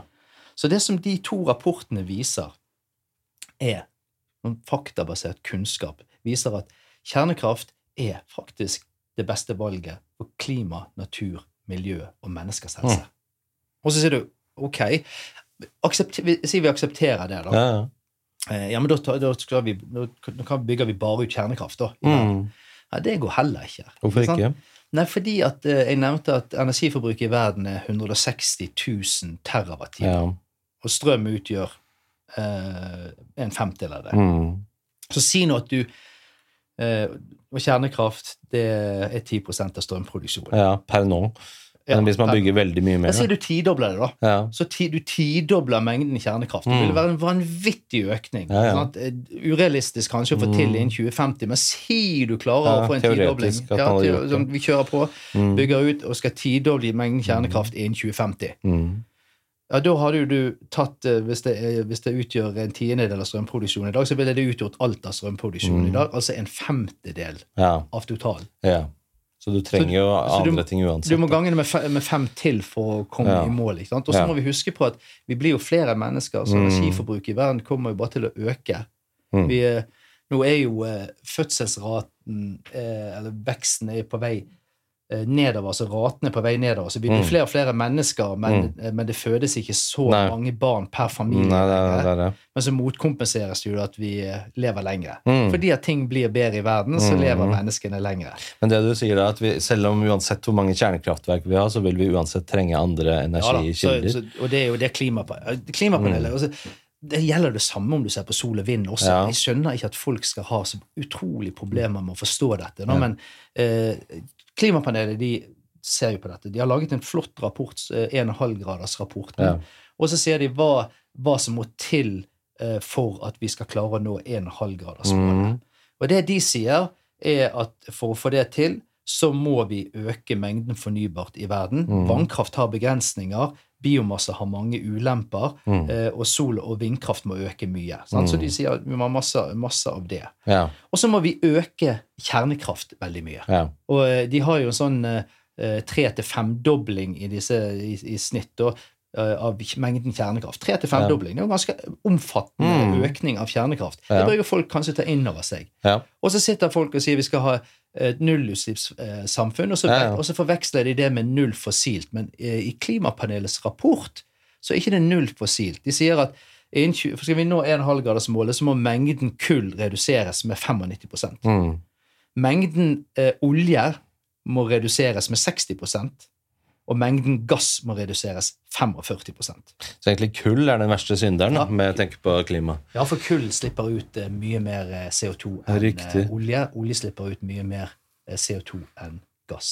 Så hva tenker du vil være den optimale hvis du var statsminister? Er det du bestemte alt dette her? Hva ville du sett for deg som den optimale løsningen av energi- og strømmiksproduksjonen som vi faktisk trenger i verden fremover? Tenker du at vi må beholde en god del oljeproduksjon i tillegg til å øke eh, kjernekraftproduksjonen? Ja, vi er, vi er helt nødt til å ha Også Fossilt må, vi, må verden ha i mange tider Mm. fremover. Så det å, det å stoppe olje- og gassproduksjonen i Norge Mm. Etter min mening så er det ganske tøvete Mm. et globalt perspektiv. Mm. Eh, Så lenge situasjonen er som den er, og så lenge fornybart ikke vokser raskere enn det gjør. Mm. Så eh, det er jo litt dette her eh, Hva er det vi skal adressere? Er det tilbudssiden eller etterspørselssiden? Mm.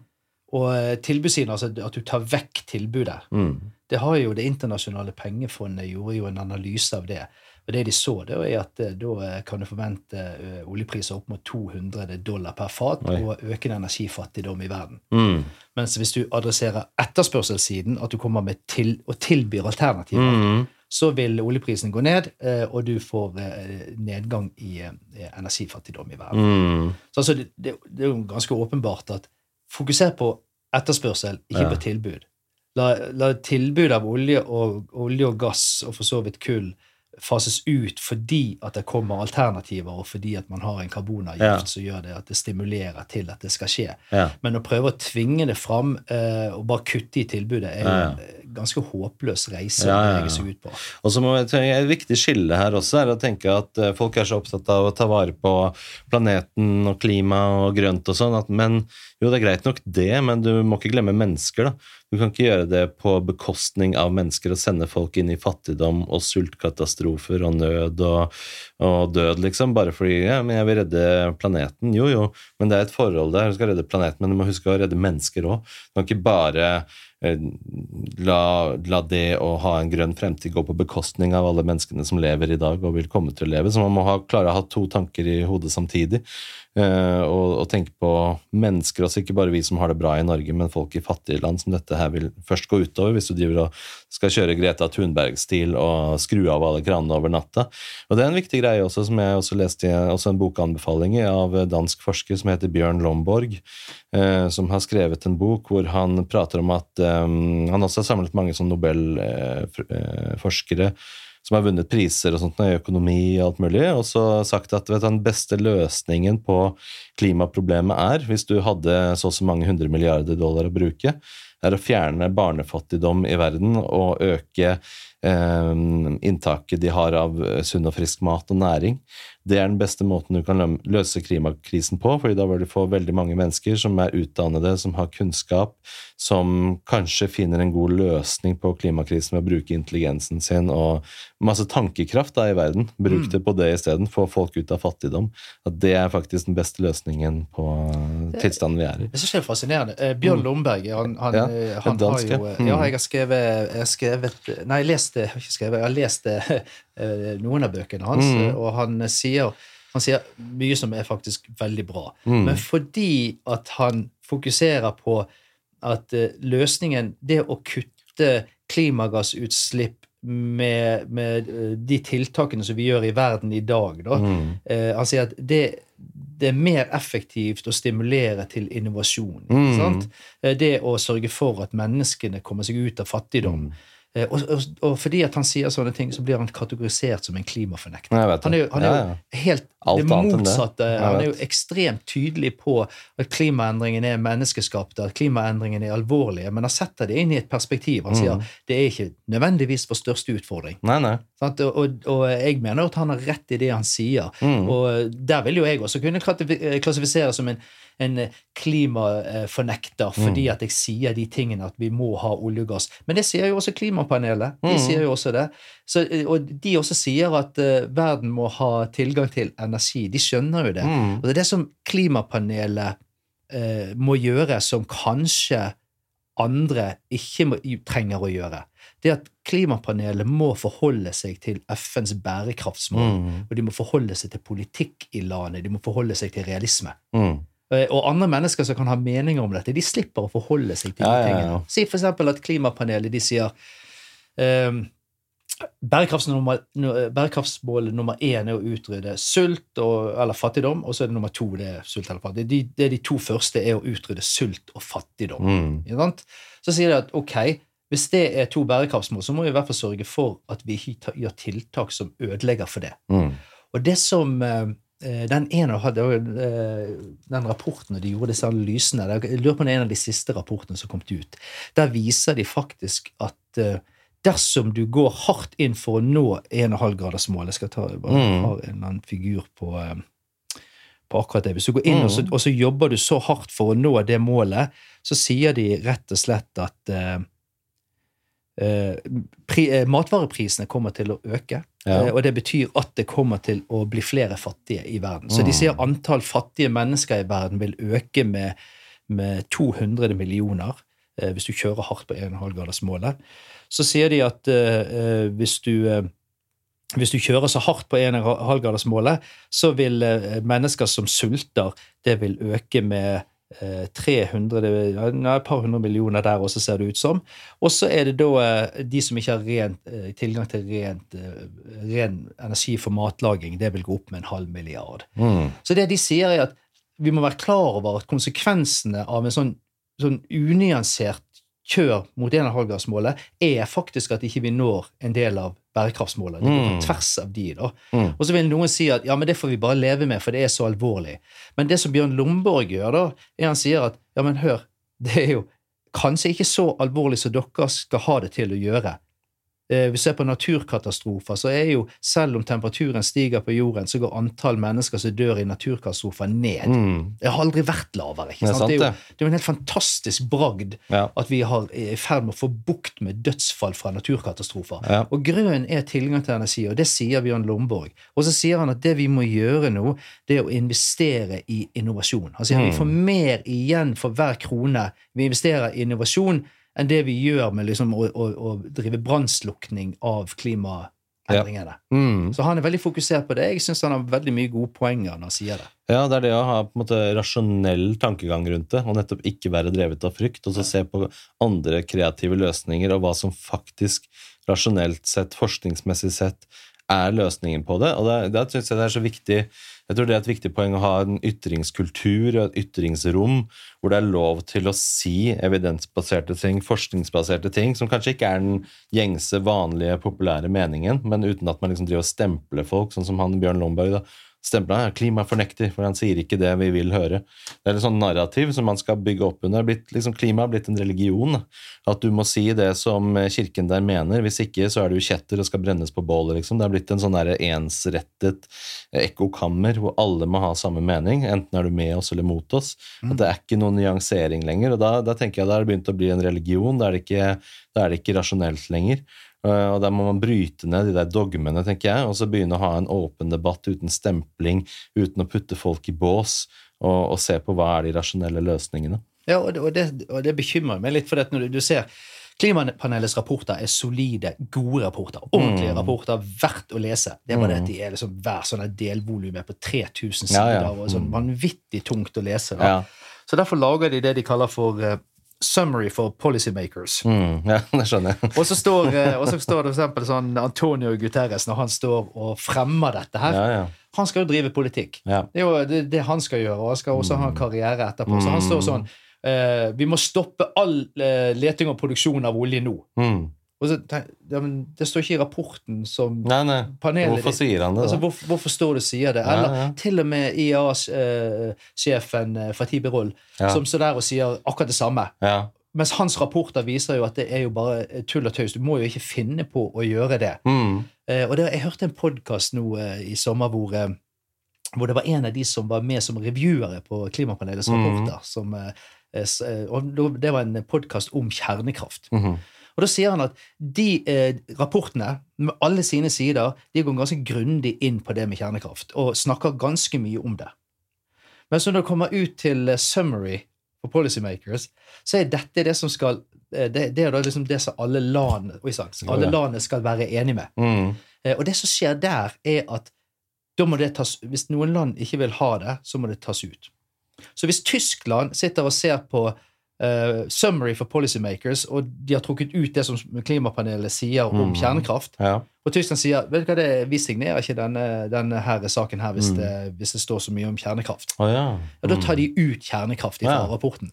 Og det er nesten, det er nesten forskningsfjusk. ikke sant? Ja, det, er, altså, det, er sånn I grenseland av, av, etisk fullstendig uansvarlig å gjøre det. Men det, og det skjedde. Han, han fortalte det at det står masse om eh, kjernekraft i hovedrapportene som klima, disse klimaforskerne har eh, jobbet fram. Ja. Eh, og når du kommer til summary-rapporten, så står kjernekraft to ganger. Ja. Og da ene gangen negativt. Ja. Og det, og det, var akseptabelt for land som Luxembourg og, og Tyskland og en del andre. Og dermed så fikk de styre det, for at alle landene skal signere på det. Ja, ja, ja. Og det er, sånn cherrypicking. er jo helt forferdelig. Ja, ja. Hvorfor, hvordan kommer de unna med det? Nei, du, vet du hva, Godt spørsmål. Derfor, derfor, snakker jeg om det. Ja, ja, ja, ja. For vi tror at liksom verdensledere og, og, vitenskapen og alt dette er så evidensbasert og nøytral og objektiv, og så er det egentlig ikke det i det hele tatt. De liksom snur kappen etter vinden og lytter etter populismen og hva er det folk vil. og Det er det de er mer opptatt av da, enn hva som er fakta og reelt og sannhet. Da. Ja, og, da, og da blir vi meningsstyrt. Vi tror det er sånn, vi tror eh, altså Når det gjelder ulykker, f.eks., mm. så tenker vi sånn at kjernekraft er superfarlig. Mm. Og så viser da statistikk og empiriske data at kjernekraft er den desidert tryggeste energikilden vi har. Mm. Og modelleringer for framtiden viser også at det er den tryggeste energikilden vi har. Og så er det ingen, ingen som reflekterer over ja, den dødeligste energikilden når det gjelder ulykker. Altså Den dødeligste generelt er jo kullkraft pga. partikkelforurensning. Ja. Det dør jo like mange av partikkelforurensning fra kull hver dag i verden som har eller vil dø av Tsjernobyl-ulykken. Ja, altså Hver eneste dag. Hver dag. Eh, og, det, og like fullt så har ikke vi det. Men når det gjelder ulykker, så er det vannkraft som er den dødeligste. Ja, hvorfor det? Nei, det er demninger som brister. Ja, sånn som vi krigs, så uh, Ukraina nå, så sprengte de jo den der ja, demningen og da, lot den oversvømme. Det gjorde jo de faktisk i 1941 også. Gjorde det, ja. Da, eh, da, det lå en eh, demning i Zaporizjzja. Ja. Der som blir i dag et kjernekraftverk. Nesten område. Mm. Eh, og, der, eh, og nå er vi bekymret for at det kan bli nytt Tsjernobyl, og 4000 kanskje kan dø. Eh, men i 41 så rykket Stalins hemmelige politi inn i byen Zaporizjzja, og så sprengte de vannkraftdemmen. Mm. Det var for å stoppe nazityskernes forfølgelse. Det mm -hmm. fins faktisk en video av den sprengningen. Det er nesten utrolig å se. Eh, Da sprengte de den demningen, og det tok livet. De vet ikke nøyaktig hvor mange, men de anslår at det var et sted mellom 25 000 og 100 000 mennesker som ble drept fordi at demningen ble sprengt. Oi. Shit. Så, så, så vannkraft eh, Og og det var en demning som brast eh, på 70-tallet i Kina, som, som man mener tok livet av eh, rundt 170 000 Oi. mennesker. Det er farlig, altså. Men hva, inne på Zaporizjzja, la oss ta den der med en gang. Hva er, det, hva er worst case scenario der, tenker du, i forhold til kjernekraftverket, siden vi er inne på hva er risiko med kjernekraft, og hva kan skje der? La oss si at de eh, kutter strømforsyning, ikke noe vann, ikke noe rotasjon av vann. Liksom.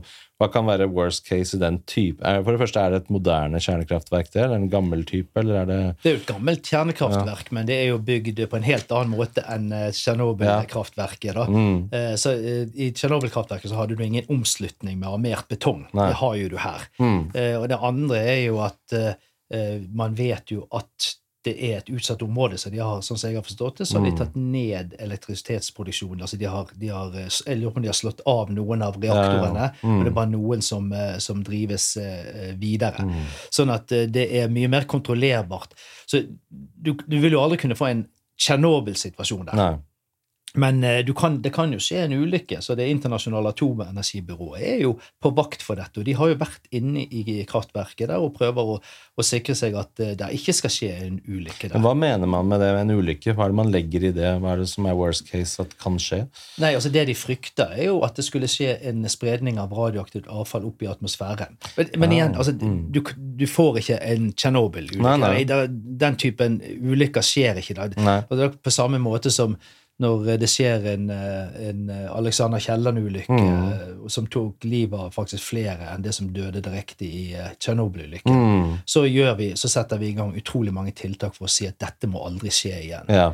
Sånn, så Sikkerhetskravene i dag på, også på det Zaporizjzja-kraftverket er helt annerledes enn det det var for Tsjernobyl. Husk at Tsjernobyl-kraftverket var jo laget for å produsere plutonium. ja, for jeg hørte Sunniva nevnte det. At det Ja. var egentlig nesten bare sånn kamuflasje for å produsere egentlig kjernevåpen og Ja, ja. sånne ting. da. Så, Så han har jo møtt en av de som jobbet på kraftverket, og snakket med han, og han var veldig tydelig på hvorfor de ikke hadde en sånn eh, omslutning på det, på det kraftverket i det hele tatt. ja, ja. Så du får ikke den eh, Det er, det er nesten Altså, det er umulig for meg å tenke meg en et nytt Tsjernobyl, selv om vi går rundt og frykter det. Men du kan sikkert få eh, lokal spredning av radioaktivt eh, materiale som er veldig uheldig for de som bor i de områdene Ja. der. Mm. Eh, veldig lite bekymret for at eh, vi i Norge skal få noe som helst konsekvens fra det. Mm. Jeg kan ikke forestille meg at det skal skje. Men hva slags mekanismer er det som kan være farlig med et kjernekraftverk i en krigssituasjon? på en måte? Hva er det som er De trenger jo kjøling. Så det, Kjøling, ja. det er rett og slett at de klarer å holde kjølingen ved like. Det var jo det som skjedde i eh, Fukushima. Ja. ikke sant? At Mm. eh, de hadde dessverre, ganske tåpelig egentlig når du tenker på det, satt disse her dieselaggregatene, nødaggregatene, eh, under bakken. sånn at når, når, av ja, når tsunamien kom, så, mm. så stoppet strømproduksjonen. Mm.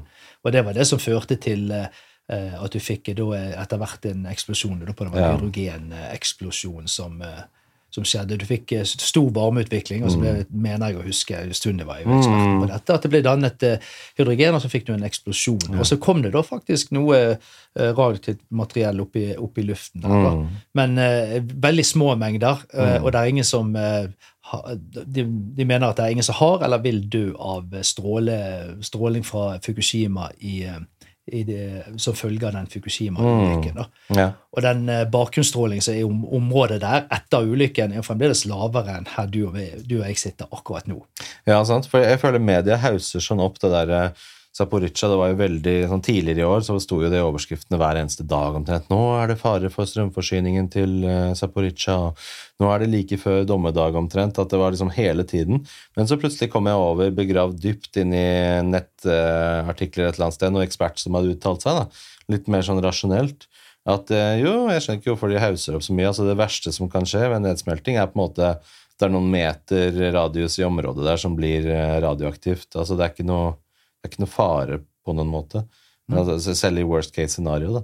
Uh, og da bare tenkte jeg, hæ, det er så stort sprik liksom mellom hva vi vanlige folk får oppleve gjennom VG og NRK og Dagbladet, uh, og det som faktisk forskerne sier. Det er enorm avstand mellom, eh, mellom sannhet og hva som blir hauset opp. Ja, vi må, vi må, vi må, igjen så må vi være litt sånn skeptisk. Der er, der er sånn, eh, det som psykologene kaller uh, den verste tankefellen av alle. Mm. Uh, bekreftelsessyndrom.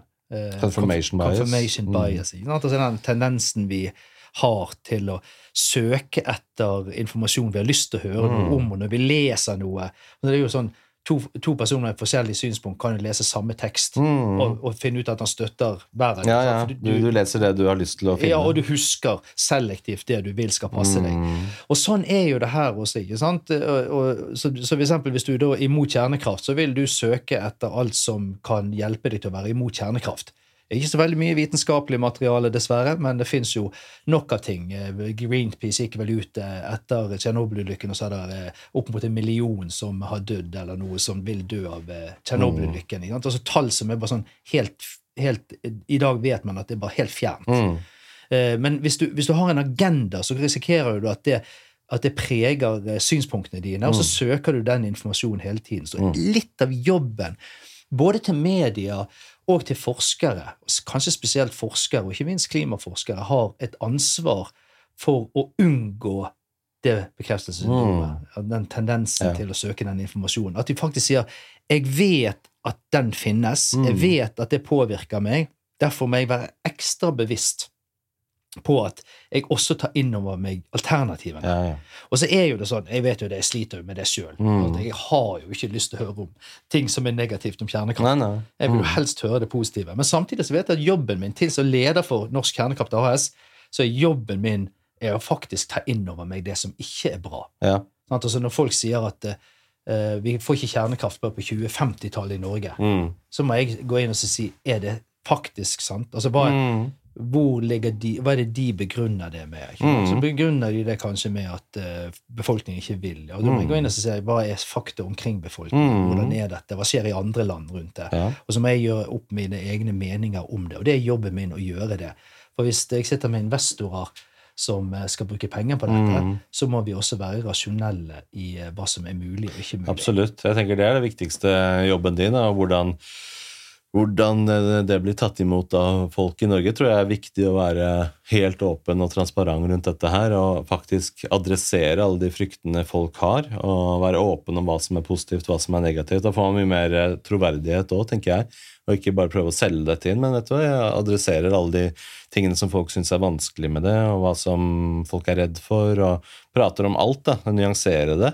Og, så tenker jeg at um, Også det normative i å si det der med at ja, 2050 det er først da vi kan få kjernekraft. Ja, men vent litt, er ikke det utrolig bra? Bare på 25 år kan vi få kjernekraft i Norge. Vi kan også snu på det sånn. Jeg tenker, ja, Så flott. Altså, vi, vi er jo her i 2050 og det er jo superbra hvis vi kan få det i 2050. Så det, det, det, ja, vet du hva, det er litt uh, morsomt at du sier det. For det er sånn uh, Vi har jo møtt motstand ja, ja. for at vi har veldig mange som er positive til det vi holder på med. Utrolig mye støtte. Mm. Opinionen endrer seg. Nå er det 51 som er, av de, de som blir spurt, som er positive til kjernekraft. Og det er oppadgående, den støtten. ikke sant? Mm. ja, ja. Men så møter vi motstand. Mm. Uh, og da når vi møter motstand, så er det sånn hva er, hva er, hva er det motstand handler om? Mm. Og det som er litt interessant, det er at den endrer seg. Han til å begynne med sånn Nei, det var ulykker. ja, ja. Eh, og så var det avfallshåndtering. Uh, og så var det kostnader. Mm. Og nå er det at det tar for lang tid. ja. Men det er jo det fine hvis, hvis motargumentet er at det tar lang tid. ja, ja. Da vi, kan vi si oss ferdig med de andre motargumentene. ja, ja. Fordi at eh, Til syvende og sist så tror jo jeg og Sunniva eh, Vi har snakket litt om det, at dette handler egentlig om frykt. Altså, jeg jeg, vil, jeg- vil kanskje ikke ha kjernekraft. Og så handler det det er det ene aspektet, at det handler om frykt eh, i befolkningen generelt. Det skjønner jeg veldig godt. Ja. Det andre er at det kanskje handler om politikk. ja. Sant? Der er masse politikere som har gått ut, de har lagt hodet sitt på hoggestaven for at vi skal bygge ut massivt med havvind, Mm. og så her kommer noen og kødder med det. Og så kødder de med, ja, de kødder med narrativet også, om at dette her er den grønne teknologien som de har brukt så mye energi på å Ja. hause opp. Liksom, det grønne er dette. Og så bare Oi, det der kjernekraftgreiene. Vi har ikke, vi har ikke putta det inn i narrativet vårt ennå. Ja. Det er ikke partiprogrammet vårt, det er ikke politikken vår. Hvordan skal vi spinne dette her da, til at uh, vi er jo så grønt parti? Altså, det, det er egentlig det mye handler om. Ja, og Mm. så eh, kommer den siste biten, at det handler om økonomi. Mm, ja, ja. Ja, det er jo eh, aktører som kanskje ikke synes at det er veldig kult at det kommer, at den debatten om kjernekraft dukker opp. Mm. Så, så jeg ser jo Og det, det er jo litt sånn For meg er det Jeg skjønner jo det. Hadde kanskje gjort det samme. Jeg er jo også leder for et selskap vi som har som mål at aksjonærene skal tjene penger. Mm. Eh, Og det er mange sånne aktører der ute. ikke sant? Så at, Mm.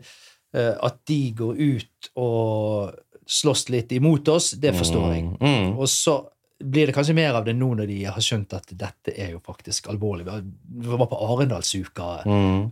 Fantastisk oppmerksomhet. ikke sant? Det var Ja, ja. elleve forskjellige debatter og seminarer Mm. om kjernekraft. Og hvis ikke det var debatt og seminar om det, så, så var det gjerne eh, at eh, ordstyreren spurte om kjernekraft. ja. Så fint. Eh, og det kommer eh, faktisk i dag, tror jeg, i Nettavisen, så kommer der et eh, debattinnlegg fra Sunniva og meg, Ja. hvor vi griper fatt i en av de debattene nede i Arendalsuka. Ja, ja. Og det var eh, eh, da eh, hvor DNV og Åslaug Haga og Ja. et par andre ble spurt om dette med kjernekraft. ja. Og det som var litt interessant, da, det var jo at eh, i, i det miljøet der så var det sånn Nei, vi må ikke ha noe kjernekraft. Mhm. Eh, og Fornybar Norge har jo selvfølgelig Vi søkte jo medlemskap i Mhm. Fornybar Norge for en tid tilbake.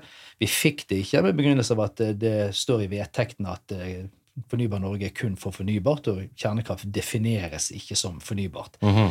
Jeg ville jo sagt at skal vi forholde oss til lavkarbon og det som kan bidra til å mm, hjelpe til å nå nullutslippsmålet, eller skal vi bare forholde oss til den typen definisjon? da? ja, ja. Men eh, eh, Fornybar Norge har jo selvfølgelig medlemsorganisasjoner som skal tjene penger, Mm. og bedrifter som skal tjene penger der. da. Men det som skjer da, og det som skjedde nede i den debatten, var jo at Åsle Haga gikk ut, og så latterliggjorde hun kjernekraft. Og det, det, det interessante her at det er, finnes jo på nettet. Den, det var Jeg så dere la ut et videoklipp. ja, og det her er jo streamet, ikke sant? så Ja. dette ligger jo off offentlig tilgjengelig på nettet. da. Men der hun begynner å le når hun snakker om små modulære kjernekraftverk, og så kommer hun med fire eh, uttalelser hvor alle er faktisk feil.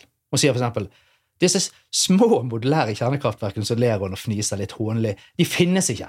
Og så er det sånn bestemt, de finnes ikke. Det Mhm. finnes et eller annet som lurer på om Mhm. tar fram Juta eller noe sånt. Okay. Eh, og så er det bare designstadier. da.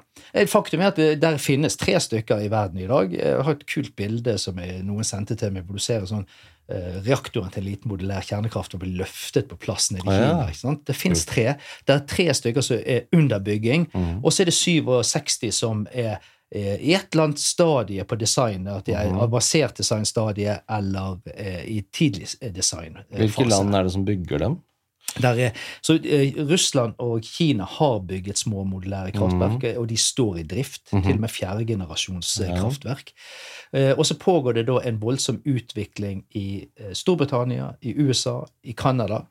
Eh, vi ser f.eks. at GI Tachi og Rolls-Royce er veldig aktive.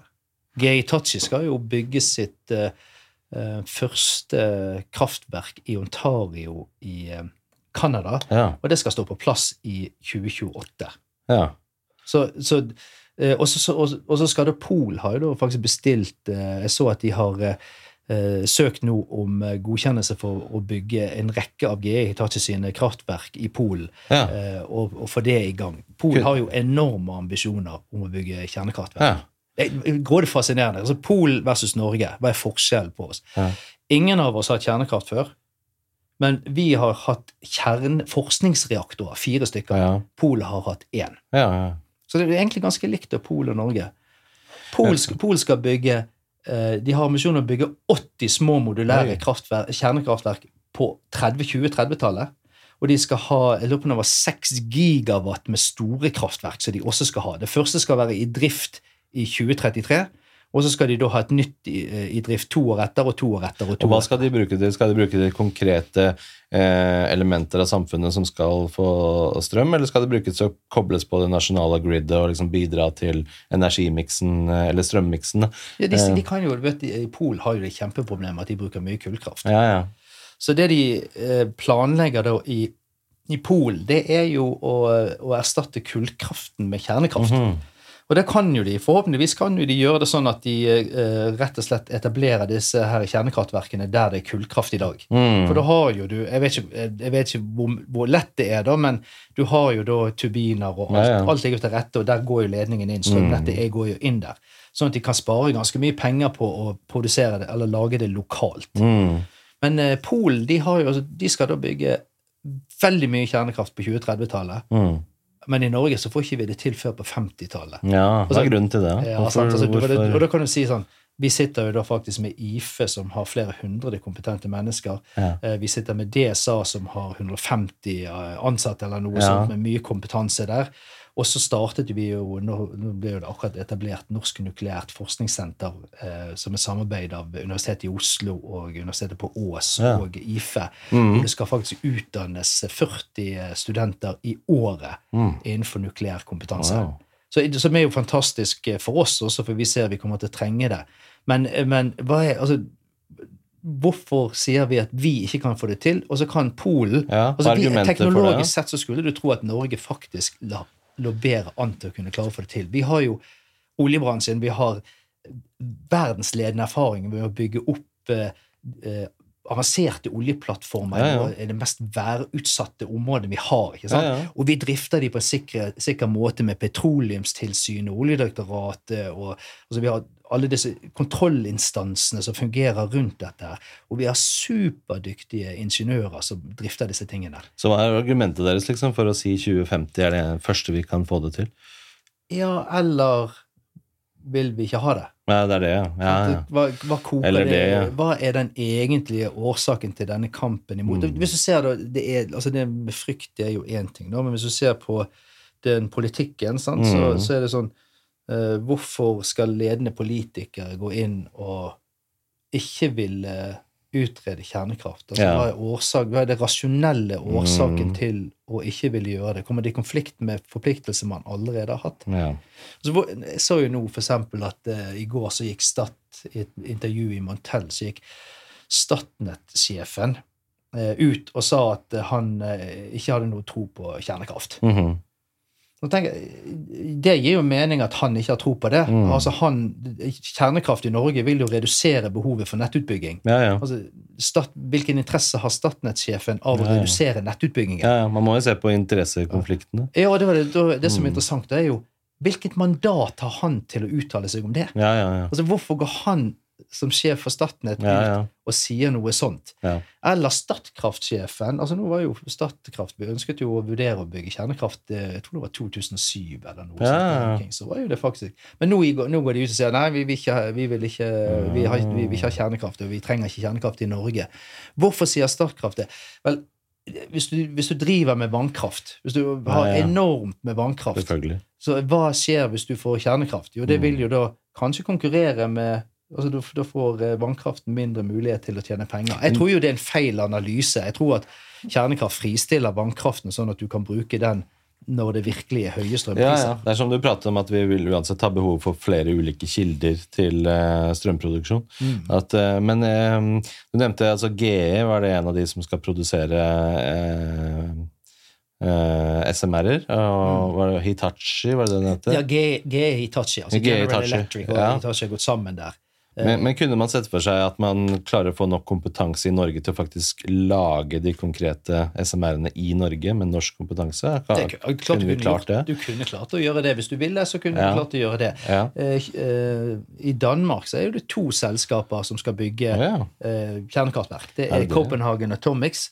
Begge er saltsmeltereaktorer, fjerdegenerasjonsreaktorer. Ja. Copenhagen eh, Atomics de skal eh, bygge de basert på thorium som drivstoff. drivstoff. eh, Og Seaborg Technologies skal bygge de basert med uran som drivstoff. ja. Og vi signerte nettopp en eh, samarbeidsavtale med Seaborg Technologies, mm -hmm. og de var i, eh, i Bergen, og vi eh, hadde den avtalen og eh, besluttet at vi skal prøve å finne steder hvor deres teknologi kan Mhm. etableres i Norge. ja.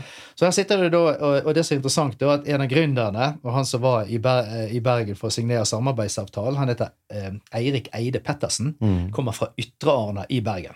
Mm, ja. Eh, var en av de som ble eh, kåret av Forbes til eh, 30 under 30. Ja, ja. 30 eh, personer eh, under 30 år som kommer til å ha betydning for verden framover. Mm. Eh, og han var en av de. Eh, og han har startet da et kjernekraftselskap i Danmark.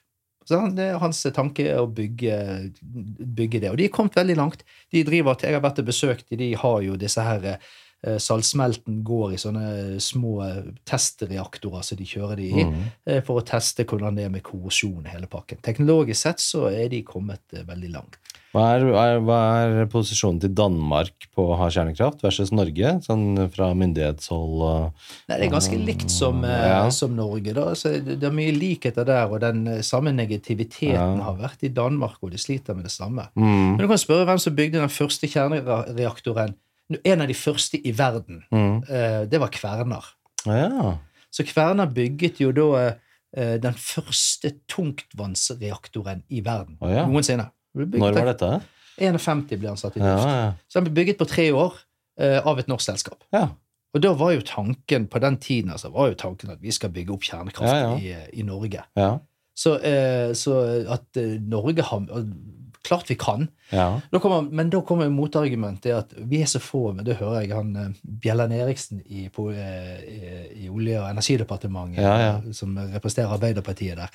Eh, han sier det at vi, har, vi har så få mennesker i Norge. Vi har så lite, lite, lite ressurser å dra på. sånn at Sånn at uh, vi kan ikke Vi må ikke bruke ressursene på feile ting nå, for oh, ja. når vi er så få mennesker. Som om Si at du, hvis du stopper min jobb Jeg går ikke inn og begynner med, med havvind. Nei, nei. Altså, det, er sånn, det er ikke sånn at jeg velger havvind istedenfor. Og det kommer, eh, nå, nå kommer det så mye kompetanse. Det er studiet i Os, eh, når det ble annonsert Norsk nukleær eh, forskningssenter der. Når det ble annonsert, da, eh, så, så utlyste de da eh, 20 studieplasser i Universitetet i Oslo, og så skal det komme da 20 på Ås. Det var eh, 75 eh, studenter som hadde nukleær kompetanse som sitt førstevalg på studiet. Oi. Og det var 600 som hadde det som ett av sine valg. Altså Det var et av de mest populære studieprogrammene. Umiddelbart. Mm. Det, med det samme de annonserer det, så blir det et av de mest populære Ja, unge folk er interessert og nysgjerrige. Om de er. Ja, De er kjempeinteresserte. Mm. Så, eh, og, og det å tro at Norge vet du hva, å, Vi er så få, vi er så stakkarslige, Ja, ja. og vi kan ikke få til noen ting. Helsike, Arbeiderpartiet det var jo de som var framoverlent på 70-tallet når vi skulle bygge opp olje, Ja, ja. oljeeventyret i Norge, Ja. oljeindustrien, og eh, Arbeiderpartimannen Arve Johnsen ble satt til å bygge dette opp, ansatt nummer én, eh, til han måtte gå eh, Mm. når det var 14 000 eh, ansatte i selskapet. Og tenkte jeg, lille Norge. Få mennesker, men vi bygde vel opp, kan du si, eh, den største oljekompetansen i verden. Eh, Vil du ikke si det? At vi har liksom folk leide inn oss fra overalt for å hjelpe dem i andre land med olje. Lille Norge, liksom. Ja, vi gikk jo, vi gikk jo fra å kunne absolutt ingenting. Mm. Så leide vi inn eh, kompetanse fra utlandet, Ja. fikk drahjelp, og så bygde vi opp vår eget, og så lagde vi et system som i dag er anerkjent av hele verden Ja, for å være noe av det mest fantastiske. Men så har vi da lært oss å bli verdensledende på eh, boring av lange brønner, eh, Ja. teknologisk kompliserte installasjoner. Eh, vi har jo da bygget opp den kompetansen og blitt supergode på det. Ja. Så Også- hvorfor skulle vi ikke bli det Nei, på kjernekraft? Jeg synes det er det, men hva, igjen, hva er det handler om? Frykt, økonomi, politikk. Det er litt sånn Der Det er jo sånn kjent sitat. eh, Det, det refereres ofte til at det kommer fra Mahatma Gandhi, men det gjør sannsynligvis ikke det. Ja. Det er den der uh, First they ignore you, then they laugh at you, then they fight you, and then you win. Ja, ja, ja. Og det er jo, eh, Vi merker jo den. altså Når vi startet kjernekraftselskapet, så ble vi i stor grad ignorert. Mm. First they ignore you.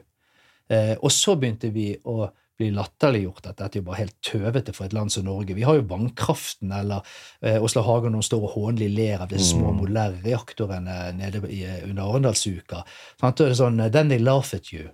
Og så ser vi nå at nå begynner det å kjempe mot oss. Nå kommer aktører, veldig sentrale aktører, Statkraft og Statnett og eh, Olje- og energidepartementet og virkelig store aktører. Nå begynner de å slåss tilbake. Then they fight you. Og da tenker jeg sånn Ja, hva er neste, da? Nei, neste stopp. det høres bra ut. Da Da er det på riktig reise uansett. Skal vi, skal vi ta en Vi tar en pause. Vi Ja, gjør det. det. En liten kaffepause. Det er en eh, liten kjapp Ja. pause der. Og da har jeg faktisk spist en banan. En- jo, jeg, jeg føler meg lett bekymret her, men jeg Ja. føler at jeg har en viss utstråling. Deilig radioaktiv banan. Ja. Eh, Sunniva nevnte det er kalium 40 i banan. Ja, Kalium 40, ja, det visste ikke jeg. Ja, ja, ja. Det var kalium. Men eh, nei, jeg skal si at grunnstoffer må vi prate om her. Fordi For å drifte disse her eh, reaktorene, så må du jo ha Det er vel tre forskjellige grunnstoffer man opererer med nå for tida at man kan bruke i praksis. Det er jo da thorium, uran og plutonium. Mm. Eh, Men hva er det dere har landet på som mest realistiske løsningen å drifte SMR-ene med? Hva er, det man kommer til å faktisk bruke? Ja, først og fremst så bare avklare at plutonium det, det er et, et biprodukt av Ja. fisjon når du spalter disse her eh, eh, atomkjernene. Da. Mhm. Men eh, det som vi sier, det er at la oss begynne med det som finnes i dag. La oss, Ja. ikke, la oss ikke finne opp kruttet på nytt. Mm. Uh, la oss eta bruke noe som er etablert, hvor det fins et lovverk i Norge, hvor vi har regulativer, Mm. noe Norge er kjent med. Sant? Vi har drevet fire uh, forskningsreaktorer. Mm. Lettvannsreaktorer, det kan vi jobbe med. Det er, har vært i drift i verden i 50 år. Vi vet hvordan det fungerer. Vi Ja. vet, eh, vi, dette er vi trygge på. Dette har faktisk Norge et tilrettelagt et system for. Mm. Det gjør at vi kan komme i, i gang raskere. Mm. Da er det uran vi begynner med.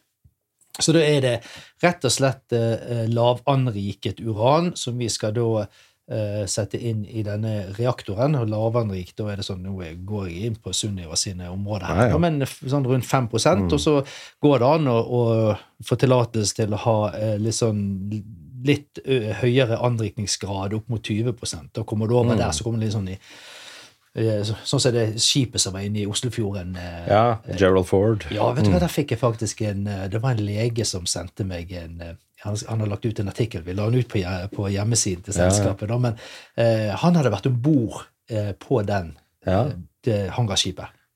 Jeg har skrevet en, en eh, artikkel som, eh, som handlet om kjernekraft. Mm. Og, for da var jo det veldig sånn bekymring for dette med stråling. Mm. Alle, i, i nærheten, i noen kilometers avstand, skulle Mm. gå med sånn dosimeter på seg. ja. og sånn. Så han, eh, legen om bord på, på Gerald Ford på hangarskipet hadde jo ledd godt når han legen hadde fortalt om den bekymringen vi hadde. Ja, ja, ja. Han sa vi besøker jo havner verden rundt. Jeg har drevet med dette i 70 år, det har aldri vært en ulykke noensinne. Men eh, de reaktorene som er på hangarskipene, det er det er sånn våpengra, eh, eh, eller høyanrikt eh, Mm. uran. da. Så, så det får du ikke lov til å bruke i sivil eh, industri. Mm -hmm. Men vi skal bruke uran, Ja. og det er jo, det er jo et produkt som det fins mye av i verden, men ikke alle land som driver og utvinner det. Ja, for da kan du si det er et motargument fra den kritiske siden vil jo bli at ja, men uran finnes jo typisk da i Russland. Og Russland så har vi jo en sånn vanskelig forhold til nå for tiden, og at Ja. vi ikke skal drive og handle så mye med dem. og kan, kan man se for seg da at hvis man da baserer seg på uran og lar seg handle med Russland, da, at det kan bli vanskeligheter for forsyningssikkerheten til SMR-er og reaktorer, at man plutselig kan man ikke handle med Russland lenger, det er ikke lov. Hva gjør man da? Altså, kan man se for seg vanskeligheter med det?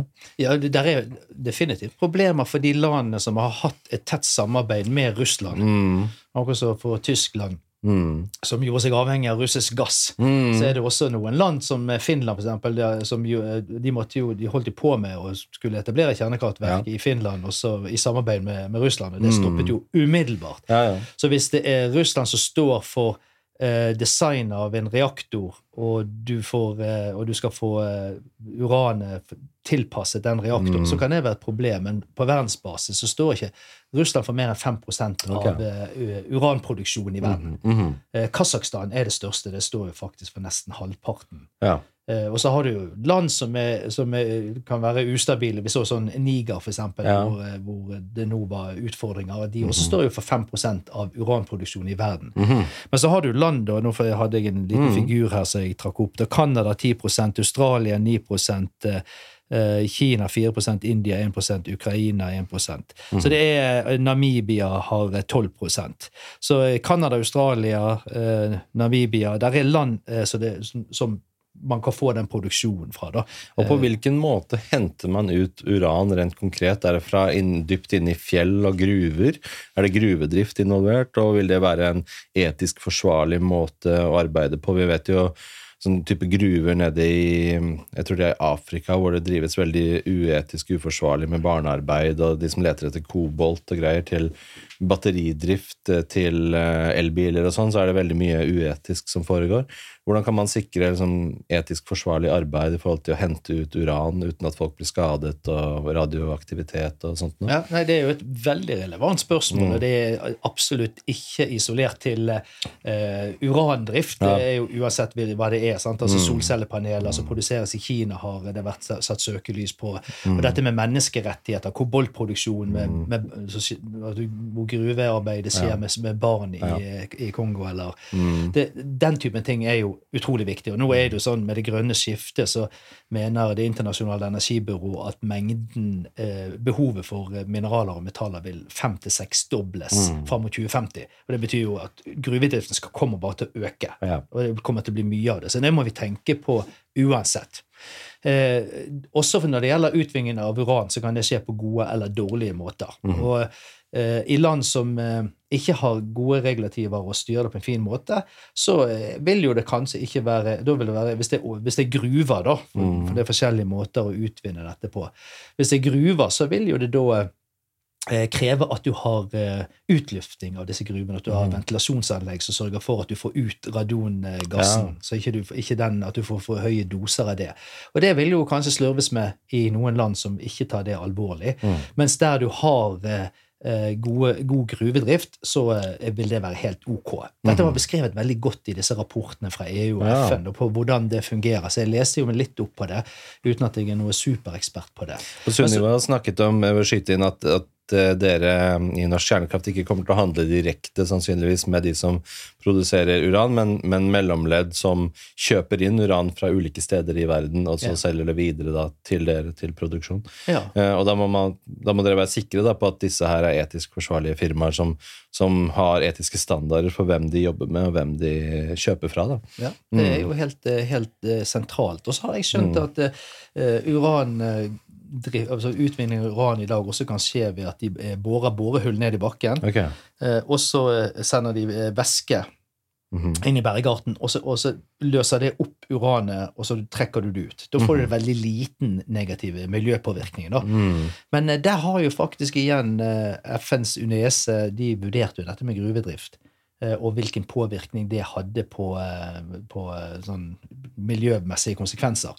Og kjernekraft kommer jo best ut der også. Ja. Men grunnen til at de kommer best ut, er jo mm. at volumene er så små. Mm -hmm. Altså, Uran er så energitett at, at du, du, trenger ikke så mye. Hvis du trenger tenker deg silisium til solcellepaneler, du skal ha stål til vindturbinene, så blir volumene mye større. Og når det gjelder kreft, så er jo faktisk seksverdig krum i produksjonen av stål som er til vindturbiner. Ja. Det er jo en mye større fare. Okay. Og de fant jo ut at uh, kreftfaren uh, for uranvirksomhet versus utvinning av mineraler til, til, solcellepaneler, den lå omtrent likt. Okay. Så det var ikke noe, var ikke noe mm. mer fra uranvirksomheten. Så jeg tror det som er fordelen med med kjernekraft er at du trenger mye mindre av det. Mm. Og derfor så blir konsekvensene mindre. Mm -hmm. Også, men Dere har snakket mye om at dere har lyst til å bruke thorium. Uh, og Hvilken måte skiller det seg fra uran, og hva er fordelene eventuelt med å bruke thorium versus uran? Og så har jeg hørt at thorium også er noe man kan finne i Norge. At man ikke nødvendigvis må dra til utlandet for å finne grunnstoffet. Men Kan du fortelle litt om det, thorium, og hvordan dere ser for dere å bruke det? Ja, altså Thorium er jo da et, eh, et alternativ som kan brukes til mm. å drive kjernekraftverk. Du må fremdeles, som jeg har forstått, det ha uran til å sette i gang prosessen. Okay. Mm. Eh, men så, så, har det Det har jo da noen fordeler. Eh, mm. Eh, men det, det, er kanskje liksom blåst opp hvor store de fordelene egentlig er. Da, men du mm. kan da få eh, avfall som eh, ikke trenger å lagres så lenge. -hmm. Men hvis det da er helt trygt å lage det 500 meter ned i bakken, ja, som, eh, som, EUs vitenskapspanel sier, så tenker jeg sånn, hvor mye ressurser skal vi bruke på det? Ja. Men en av de tingene som er litt spennende for Norge, og hvorfor vi burde forske på thorium, det er jo nettopp at eh, det kan jo være vi har gode forekomster av det. Vi vet egentlig ikke hvor konsentrert det er, om det er lett å få det ut, men vi har Fensfeltet i, i Norge som eh, eh, har da mye eh, forekomst av thorium. Hvor er dette hen? Det ligger nede i eh, på litt, litt opp fra Sørlandet et sted. Mm, Eh, ja. Så, så i, i de traktene der, Ja, ja. eh, sånn mellom Sørlandet og Og da har man funnet forekomster av det. Har man lett etter det bevisst og aktivt, eller har man bare dukket opp eh, Ja, det har, jeg tror det har bare dukket opp. og Så har man Mm. eh, hatt en eller annen sånn person som gikk rundt med en geigertenner, mm. og så fant fant ut at oi, her var det noe spennende ja. greier.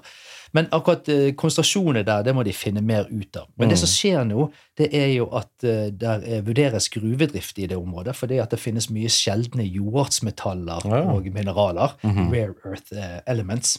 Og det er også et en utfordring, da, for det brukes veldig mye av i fornybarbransjen. I sol, Mm. eh, sol- og vindkraftverk så bruker Mm. du mye av det. Og Kina står for 80 av produksjonen av det. Ja. Så hvis Kina vil, så kan de stoppe det. De Mm. gjorde jo faktisk det for eh, ti år siden, vel ti år siden. Ja. Uh, det kalles for Rare Earth Dispute. Ja. Og de sa nei, men vi, eh, vi eksporterer ikke dette til noen. Mm -hmm. Og det skapte jo et enormt problem. Så det at vi ikke gjør oss helt avhengig av Kina Ja. Så der kan jo Norge faktisk kunne bidra med, da, for det ser ut som det kan være gode forekomster av sånne sjeldne jordartsmetaller og mineraler i Fensfeltet. Og da vil jo et biprodukt av utvinningen av det, det kunne være thorium. Ah, så vi kan bli mye mer selvforsynte da, med ting vi Ja, trenger? Og det er, for et land så er det noe attraktivt å være Ja. selvforsynt. Ja, absolutt. Jeg hadde digresjon på det. Jeg hadde Gyda Oddekalv her i går. Nye partilederen for det splitter nye Generasjonspartiet. Som snakker om at vi skal bli mye mer eh, selvforsynte med ting, og hvor viktig det er, friheten, og ta vare på vårt eget land. Så det kan jo være en retning for, for dem å stå for eh, også. Men eh, en annen ting kan jo være thorium som eksport eventuelt til andre land, at det blir en eksportvare av grunnstoffer eh, i forbindelse med kjernekraft, hvis det blir veldig stort i Europa og ellers i verden også. Kan man se for seg det, tror du òg? Ja, Eksportvare? altså, si, si nå at eh, det er eh, gode nok konsentrasjoner Mm. av thorium i Fensfeltet at det kan utvinnes og bli et industrielt produkt. Eh, Og thoriumkraftverkene så kommer sånn i fjerdegenerasjonskraftverk, kraftverk, så kommer thorium, og det, og det vokser seg opp. Mm. Så kan jo det bli et eksportprodukt. Mm. Det en grunn til at Norge skal ligge på latsiden og si at vi skal bare drive med havvind. Mm. Og så satser vi alt på at vi skal få til å bygge understelte havvind til flytende havvind, og så skal det bli et kjempeprodukt. Ja, ja. Eh, Det kan jo være det blir en stor business, Mm. og det kan, være, eh, det kan være fint for noen verft eh, Mm. å, å kunne bygge dette, men vi må jo satse på de på å spre oss og, og se hva er det som vinner fram til slutt. Akkurat nå så driver jo regjeringen eh, med planpolitikk hvor de sitter og bestemmer hva som skal skje. Altså, eh, de bestemmer hvordan Norge skal se ut i framtiden. Eh, Og det har jo historisk sett fungert veldig dårlig. Så det å slippe fri konkurranse, legge til rette for at, at bedrifter kan vokse altså eksempel når NHO-sjefen går ut og sier at han har ikke noe tro på kjernekraft. Mm. Så tenker jeg, her er altså eh, industriens eh, organisasjon som skal fremme eh, arbeidsgiverne, som, sånne som er det jeg skal representere, og vi skal være medlem av NHO. Så går han ut og snakker ned det vi holder på med. Eh, hva er det du tenker på? Men da kommer vi inn på dette. Dette handler kanskje om politikk, lojalitet overfor regjeringen, den typen ting. Mm. Så, så eh, legge til rette, lage et dansegulv, så vi kan, eh, så vi kan eh, spre oss ut på, og så kan vi se hvem som finner sammen, og så kan vi se hvordan, eh, hvem som danser best, og hvem som vinner fram til, eh, til slutt. Det burde være politikeren sin oppgave. Ikke å drive planøkonomi og si at vi skal kjøre vindkraft, du får ikke lov å kjøre kjernekraft. Mm. Det blir meningsløst i mitt hode. Mm. Ta, Hvordan er- ta, litt kaffe. Ja, kaffe, det må vi ha. Hvordan, hvordan er liksom lovverket på det nå? Møter dere mye eh, motstand i rent juridisk og lovverk, eller ligger lovverket til rette for det? Sunniva Rose pratet om det at egentlig så er mye av det allerede på plass eh, sånn lovmessig. Da. Eh, at det er ikke så mye hinder egentlig for å bygge det ut, at det krever mer vilje å få folket med seg? Eller hva, Nei, hva er det er også en sånn utbredt misforståelse, og jeg tror jo kanskje der, for man forveksler litt med eksisterende teknologi, altså tredjegenerasjonsreaktorer, Ja. versus uh, fjerdegenerasjonsreaktorer som er saltsmeltereaktorer. Ja. Uh, for det, vi har ikke lovverket og regulativene for saltsmeltereaktorer, Mhm. det må etableres, men vi har det for lettvannsreaktorer. ja, riktig. Så lovverket og regulativene, det er jo fordi at vi har kopiert mye av det samme som eh, utlandet har hatt. Okay. Så vi har det samme lovverket som land som driver med kjernekraftvirksomhet. Mhm. Så det er, det er jo ingenting der som tilsier at det skal være en ekstremt omfattende jobb. Jeg, jeg ser jo at byråkrater kan bli litt deppa av og til i forhold til fremoverlente industribyggere. Sånn at de kan si å det er så komplisert, det er så vanskelig, og dette må vi bruke enormt lang tid på. Vi har ikke så enormt lang tid på oss. Vi må Nei, nei. komme i gang nå. Det er kraftunderskuddet det er i ferd med å bygge seg opp. Det kommer ikke så tidlig som eh, kanskje Åsle Hager skulle ønske, men det kommer, eh, det kommer et kraftunderskudd. Og det, vi kommer til å trenge mye mer kraft enn det folk flest tror. Ja. Jeg har lyst til å snakke om det, og så har jeg lyst til å snakke om motforestillingene som folk har, eh, hvordan de er kritiske til dette. Og to av de tingene er jo da, som vi må ta for oss, er deponi. Hvor skal vi gjøre avfallet? På hvilken måte kan det gjøres trygt over tid? Og så må vi snakke om kostnader. Dette her blir fryktelig dyrt, er det mange som tenker. Så la oss ta for oss deponi først, og det er perfekt siden du er geolog og fagmann. Jeg snakket jo med Sunniva så vidt om det, men hun sa ta det med Jonny. Han vet uh, dette her med bergarter og fjell og Ja. deponi og dette her. Så hvordan eh, La oss si at vi har uh, SMR-reaktor i Norge og hun i full drift, og det skaper eh, uran, eh, det skaper radioaktivt avfall. Hva gjør vi med det avfallet, på hvilken måte, og hvor skal det lagres? Det som eh, aller først Norge har drevet med fire forskningsreaktorer, og de har produsert 17 tonn med høyaktivt avfall. Mm. 17 tonn høres jo veldig mye ut, det, men eh, det er tungt. dette greiene. Det Ja. er veldig tungt, Så det tar kanskje bare et sted mellom 1 og 2 kubikkmeter. Det er rart å tenke på. Ja, Det er så massivt. Ja, Mm. det er så massivt. Så det er, det er små Det er lite volum det Ja. er snakk om, da. Men det må Norge håndtere. Åkke sånn. Altså, Vi kommer ikke unna dette. Det er en av de tingene som som Hager Haga brakte opp, at det er ingen som vil ha dette avfallet. Vis meg den kommunen som vil ha avfallet! Og det kan jeg faktisk gjøre. Jeg kan Ja. vise hun flere kommuner som vil ha avfallet. Jeg skal ikke si navnet på andre Ja. enn at Halden kommune har eh, vist interesse for det. Eh, og det, det er fordi at de ser at her kan det være stor industri. Halden kan bygge opp eh, verdensledende ekspertise på håndtering av farlig avfall. Ikke bare fra, ikke bare fra kjernekraftverk. Husk at solcellepaneler produserer eh, farlig avfall. Mm. Eh, Hva slags avfall er det? Det er indium, gallium eh, in, Jeg holdt på å si indisium, men Nei. Men er radioaktive Selen, greier? selen eh, kvikksølv Ja, kvikksøl, ja. ja. Så, så der, der er eh, det er en rapport fra Det internasjonale fornybarbyrået som eh, så på avfall fra solcellepaneler. Mm. Og de sa jo på verdensbasis så kan mengden komme opp i 78 millioner tonn. Oi. Eh, I dag er det 250 000 eh, tonn. Det er det samme som det radioaktive avfallet i verden.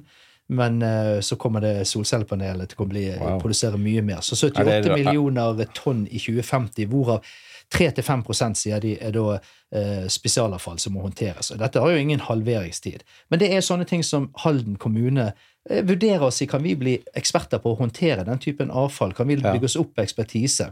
Og kan vi også da jobbe med radioaktivt avfall? Husk at det ligger mye penger i dette. Ja, ja. Det skal bygges en tunnel 500 meter ned i bakken, Ah. eh, og det, kostnadene på den er jo kanskje 10 milliarder, og så skal de bruke 10, eh, 10 eller 20 milliarder på å utrede det og hele pakken. Mm. Så det at, eh, det at Halden eh, tar ansvar og tar del i det, betyr arbeidsplasser, det betyr inntekter, det betyr kompetanse som de kan eksportere i neste Mm. omgang. Og dette ser jo vi i andre land.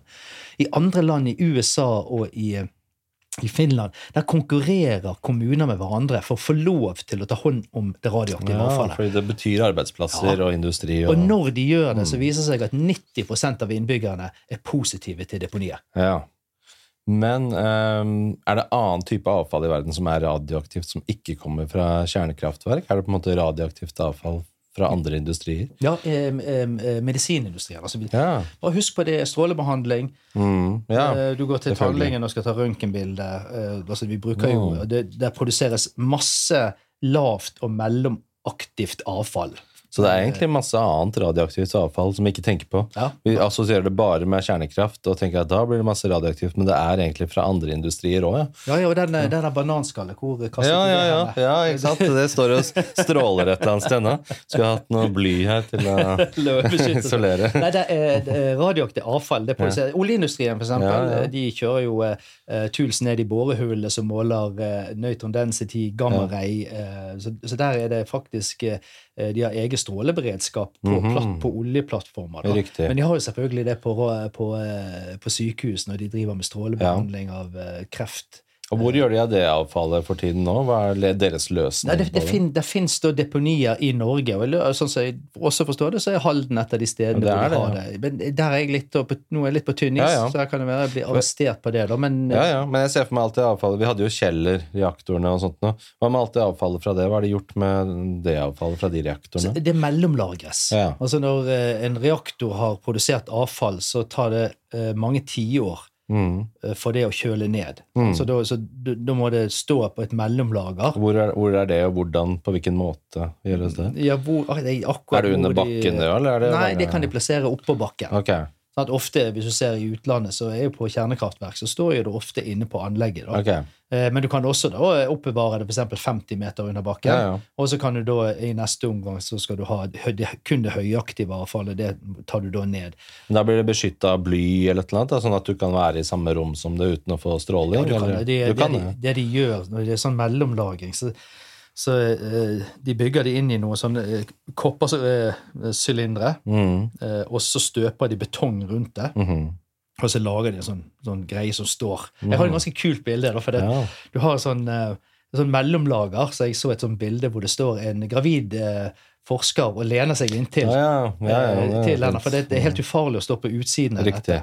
Eh, Men det lages jo da i haller, og det er helt trygt, og det tåler flystyrt og hele pakken. Og Det der skal det. lages i 40, minst 40 år. Er det noe som helst som kan skje med det? Kan det bli noen ulykker av radioaktivt avfall? Kan det smelle i lufta? liksom? Kan det eksplodere? Kan det Ja, hvis du spør Bellona, så kan det sikkert det, men ja. hvis du spør eh, andre eksperter, så tror jeg eh, ikke du kan det. Jeg, Nei. tror ikke Bellona heller ville sagt det, Nei. faktisk. Jeg tror det er helt eh, problemfritt. Det er bygget så ekstremt sikkert som det kan være. Men det må gjøres på en ordentlig måte. da. Ja. Så, så eh, hvis ikke det gjøres på en ordentlig måte, så er jo det eh, problemer med. Men det er jo uansett hva man gjør. mm. Så Men hvilken måte ok, La oss se for oss Norge, Norge skal bygge deponier. På hvilken måte, rent praktisk, da, rent konkret, eh, lagres det langtidslagring eh, av uran? Eh, hva slags type fjell? Ser vi for oss hvilke områder eh, Er det en type bergarter som man skal bruke, eller hvilket som helst fjell? Eller, altså Skal det inn i et fjell, bore inn i et fjell, eller skal det ned under bakken og bore nedover? på en måte? Ja. Hvordan lagres det? Ja, altså der, der forskes jo på hvordan man kan gjøre det. Mm. Altså, hvis du går 50 år fram i tid, så kan det være at de har funnet ut den beste løsningen. Det er å, Mm. å, å lage borehull ned i, i leire Ja. offshore og så legge det der. Men det er ikke lov i dag, for okay. vi, har, vi har lovverk som stopper oss fra å gjøre det. Da. Eh, Men det ville jo kanskje vært en billigere løsning. Mm. Men det de gjør i, i, i dag, det er at de finner grunnfjell. Stabilt grunnfjell. Hva er det? Granitt, eller hva er Det, det? det er granitt og gneis, eh, -hmm. den typen ting, som er, som sånn eh, virkelig solide ting. da. Ja. Eh, og det har jo vi eh, i Skandinavia har jo Mm. veldig mye av det. Ikke i Danmark. det er jo Nei. det er, Porøst. De har bygget husene sine på sand. Ja, ja, ja, nettopp. Mens eh, eh, i eh, Sverige og Finland og Norge så er vi en del av det fennoskandiske skjold, eller det Mhm. baltiske skjold. Og det er jo eh, grunnfjell som har vært begravd ekstremt dypt nede, og så har det blitt løftet opp og ligger som en sånn stabilt fjell hvor det er veldig Det er ingen, det er ingen store jordskjelv. Mm eh, Du har små rystelser, men det er helt uh, ubetydelige. Ja. Uh, og så er den uh, utfordringen som man kan ha med sånt stabilt fjell, er at når, du, når det ble løftet opp fra undergrunnen, så ble bergarten kjølt ned. Og når bergarten ble kjølt ned, så begynte den å sprekke. Okay. Sånn at du har sprekkesystemer i disse bergartene. Og det må de kartlegge. da. Ja. Så det de gjør, er at de borer brønner, og så ser de og, og, prøver å finne et område hvor det ikke er mye sprekker. Mm. Fordi at Hvis det kommer sprekker inn, så kan det komme grunnvann inn. Og grunnvann, eh, når det kommer grunnvann inn, så kan det da føre til en eh, korrodering av disse koppersylinderne som disse brenselstavene er støpt inn i. Mhm. Så, så det, det gjøres grundige sånne undersøkelser, så, men, men eh, Norge vil nok være kanskje, sammen med Finland og Sverige, det beste landet i verden når det gjelder grunnforhold for å håndtere radioaktivt avfall. Hvis vi skulle vært snille fra et klima- og miljømessig ståsted, så skulle Norge påtatt seg å begrave alt radioaktivt for avfallet som finnes i ja, verden. på fordi grunn av bergartene våre. ja, for her ville det vært stabilt. Og så sier vi at å ja, men det kan jo komme istider, og Ja. det skal jo vare i hundretusener av Ja. år. ikke sant?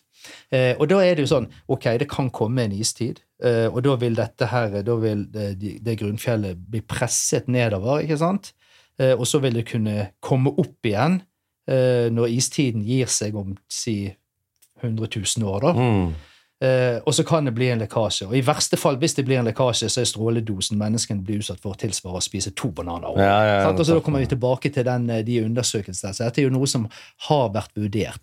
Men det er, eh, det er helt eh, det er, Akkurat der er det en irrasjonell frykt for eh, lekkasje av avfall i fjern framtid. Mm. Det vi må tenke på, er hva er alternativene? Forsyningssikkerhet, som eh, vi får blackout som gjør at, eh, at vi tar livet av mennesker. Kullkraft, eh, partikkelforurensning fra kullkraft som tar livet av millioner av mennesker. Eh, nei, eller tusenvis av Mm. mennesker. Eh, kullkraft er millioner av mennesker. Eller at det er klimaendringene som gjør det. Sant? Så, så det må veies mot hverandre, men det er helt ekstremt trygt å lagre det i norsk grunnfjell. Så det, vi har masse gode områder, også nede i Halden-traktene. Og rent praktisk, hvor langt inn? Var det 500 meter du prata om? Dypt eller inn? Dypt, ja, så da lager du en tunnel, og den tunnelen er tre kilometer lang. Mhm. Her skulle vi hatt eh, Jeg, jeg har jo eh, I selskapet vårt så har jeg jo da Sunniva Rose som sitter med en doktorgrad innenfor kjerne- og energifysikk. mm. Og eh, doktoren var faktisk på thorium. Så hun har liksom den solide ekspertisen der. Så, så jeg lærer jo fra hun når jeg snakker med hun. da. Eh, og så har jeg eh, Steffen Oliver Sæle, som er eh, sjefsingeniør, kan utrolig mye om det tekniske med rundt forskjellige typer kjernekraftverk, men også hva skal til for å bygge de, linjeverk, trafostasjoner og sånne ting. Men så har jo da Håvard Kristiansen, han er jo da operasjonsansvarlig i selskapet. Han kommer fra norsk nukleær dekommisjonering. Så han har jo da i mange år jobbet med håndtering av det norske radioaktive avfallet for å finne avfallsløsninger. Så vi har jo Norge, I selskapet vårt så har vi Norges beste ekspertise på avfallshåndtering. Ikke verst. Så når jeg snakker om noe om avfall, så er det det Håvard har fortalt meg. jeg trekker Mm. fram. Da, også nå fikk vi faktisk også inn eh, På mandag så begynte det eh, eh, en annen person hos oss. Han heter Øyvind Aas eh, Hansen. Og han kommer jo fra Direktoratet for strålevern og atomsikkerhet. Ja. Og har jobbet med, med atomsikkerhet og beredskap i arktiske strøk. Han har Mm. doktorgrad i biologi. Sunniva har doktorgrad, jeg har doktorgrad i, Mm. innenfor geologi. Og så har vi da eh, Steffen som er sivilingeniør, og Håvard som er, har mastergrad i kjernekjemi. Mm. Ja. Er Solid, eh, god eh, kompetanse. Høres ut som dere vet hva dere driver med. Ja, ja, ja, absolutt. Så, Men så, så, så når, vi, når det kommer til eh, det med avfallshåndtering, så sitter vi faktisk og Nå formidler jo jeg bare den kunnskapen jeg har tilegnet meg fra Håvard, da, Mm. men det er sånn jeg forklarer det. Du graver en tunnel tre kilometer ned, så lager du en fjellhall der, og der lager du hull i bakken. Eh, Og der setter du ned disse her eh, brenselstavene, som er da kapslet inn i kopper. Og så legger du da eh, bentonitt rundt. Bentonitt er en, en, en leire som kan svelle opp, og som lager et veldig stabilt miljø. Mm -hmm. Som gjør at selv om det skulle komme jordskjelv eller Ja. andre ting, rystelser og sånn, så ligger det stabilt inni der. Mm Og, og skulle det være en lekkasje, så vil den bentonitten stoppe det. Og så støper du igjen fjellhalen med betong Ja. og, og gruvegangen der, og så, og så ligger det der i all framtid. Men eh, hvorfor akkurat kobber? Det er sånn? Hvorfor bruker man det? Hvordan har man valgt disse materialene her? Nei, det, er, eh, det som man frykter, er jo tilgang eh, fra, med oksygen og Mm. ting som kan eh, korrodere og, Ja, ja. og som gjør at dette, dette blir ødelagt over tid. Ja. Så, men igjen så er da eh, sikkerheten rundt det er såpass god at det, det, jeg ville ikke vært veldig bekymret for det. Men det er Mm. dyrt, da. Det koster mye å bygge det. ja, vi skal inn på det også, men det virker jo som Høres jo ekstremt eh, liksom, trygt ut når man ser for seg det bildet. Men hva med mm, Altså, hvor lenge er avfallet, uh, uranavfallet farlig for mennesker? Altså farlig den, på den måten at man ser for seg at man går inntil det, og det er helt ubeskyttet, og det bare ligger der, og du står et, eh, liksom en meter ved siden av det. Hvor lenge er det så høy stråledose fra det at det på en måte er farlig? Er, liksom, er det 10 000 år det er snakk om at det fortsatt er altså, farlig? Liksom? Uran er jo så Du kan si Uran i seg sjøl, Mm. det er jo Det fins jo masse av i Norge. Mm. Det er jo det som som er årsaken til radongassen. Ja. Så du kan jo få ansamlinger av det i Mm. hus. og Mm. selv, om, selv om det også blir litt overdramatisert, så skal ikke du ha for høye konsentrasjoner det. Da må du faktisk lufte det ut. Da. Men kan jo, uran kan jo du stå med en klump i hånden. Ja. Eh, og det, det er ufarlig. Og Mm. anriket uran kan du sikkert også stå Det tipper jeg også du kan stå med en klump i hånden uten at det er noe som helst problem. Mm. Det er når det har vært igjennom fisjonsprosessen, Ja, og det er blitt et avfallsprodukt. Ja. Det er da at du har disse her eh, stoffene når det er blitt spaltet. Ja. Og da, da, eh, da gjøres jo, omgjøres jo uranet til andre ting. Ja. Andre stoffer. Riktig. Plutonium eller Ja, og hvor lenge liksom, er det avfallet direkte farlig hvis det var ubeskyttet, og du sto liksom én meter rett ved siden av? Ja, Det varierer litt, for det, eh, det, der er flere sånne eh, avfallsprodukter. Mm. Og noen av de er veldig radioaktive. Okay. Og det kaller det noen veldig høyaktivt. Mm. Eh, Det som, det, det som er har mest stråling Nå har lært av Sunniva at det heter ioniserende stråling, ikke radioaktiv stråling. Ioniserende stråling. Det som har mest ioniserende stråling, som er farligst, det har kortest halveringstid. Mhm. Så det blir fortest ufarlig. Og hvor mange år snakker vi da? Nei, Da snakker vi om, eh, Hvis, hvis du går liksom 300-400 år fram i tid, så vil veldig mye av den, okay. den strålingen være altså Da vil mye av de stoffene være ufarlige. Mm. Men så er det noen som er mer seiglivde. da. De er mindre farlige men de har, fordi at de har en lengre halveringstid. Så de, lengre halveringstid, de har jo mindre Mm. partikler, eh, radioaktive ting kommer ut av det, om det er beta, Ja. alfa, beta eller gammastråling. Ja. Så, eh, så eh, det, det er mindre farlig, men det må lages mye lengre. Så det er snakk om 1000 år, 10 000 år? Da snakker vi om 20. eh, oppi 100 000. Ja, ikke sant. sant? Og, og da kommer vi inn på en sånn Det er jo et interessant konsept, og jeg skal ikke si for mye om det, men det, det er liksom eh, konseptet om hvorvidt all stråling er farlig, Mm. uansett hvilken dose du får det i. Ja. Da skulle du sagt at den bananen var faktisk litt farlig ja. fordi at han hadde stråling. Mm. Eh, og så er det da sånn det at vi sitter i Norge hvor det er høyere bakgrunnsstråling Mm. enn f.eks. i Fukushima. ja, ja. Eh, da skulle vi kanskje ha flere krefttilfeller i Mm. Norge pga. det enn det de har i Japan. Mm. Eh, Og så er det ingenting som tyder på at det er riktig. da. Mm. Men eh, antagelsen her er jo noe de kaller for linear no threshold. Altså Mhm. uansett hvilken stråledose du utsettes for, så har han en viss fare. Okay. Det blir litt som at eh, du kan jo drikke et glass vin eh, Ja. hver dag hele livet, men hvis du drikker all den vinen på en kveld, så dør du. Ja, ja, ja. altså, det handler om hvor, fa hvor fort får du det, Mm. hvilke stråledoser får du, og, og, og over hvilken tid får du det inn. ikke sant?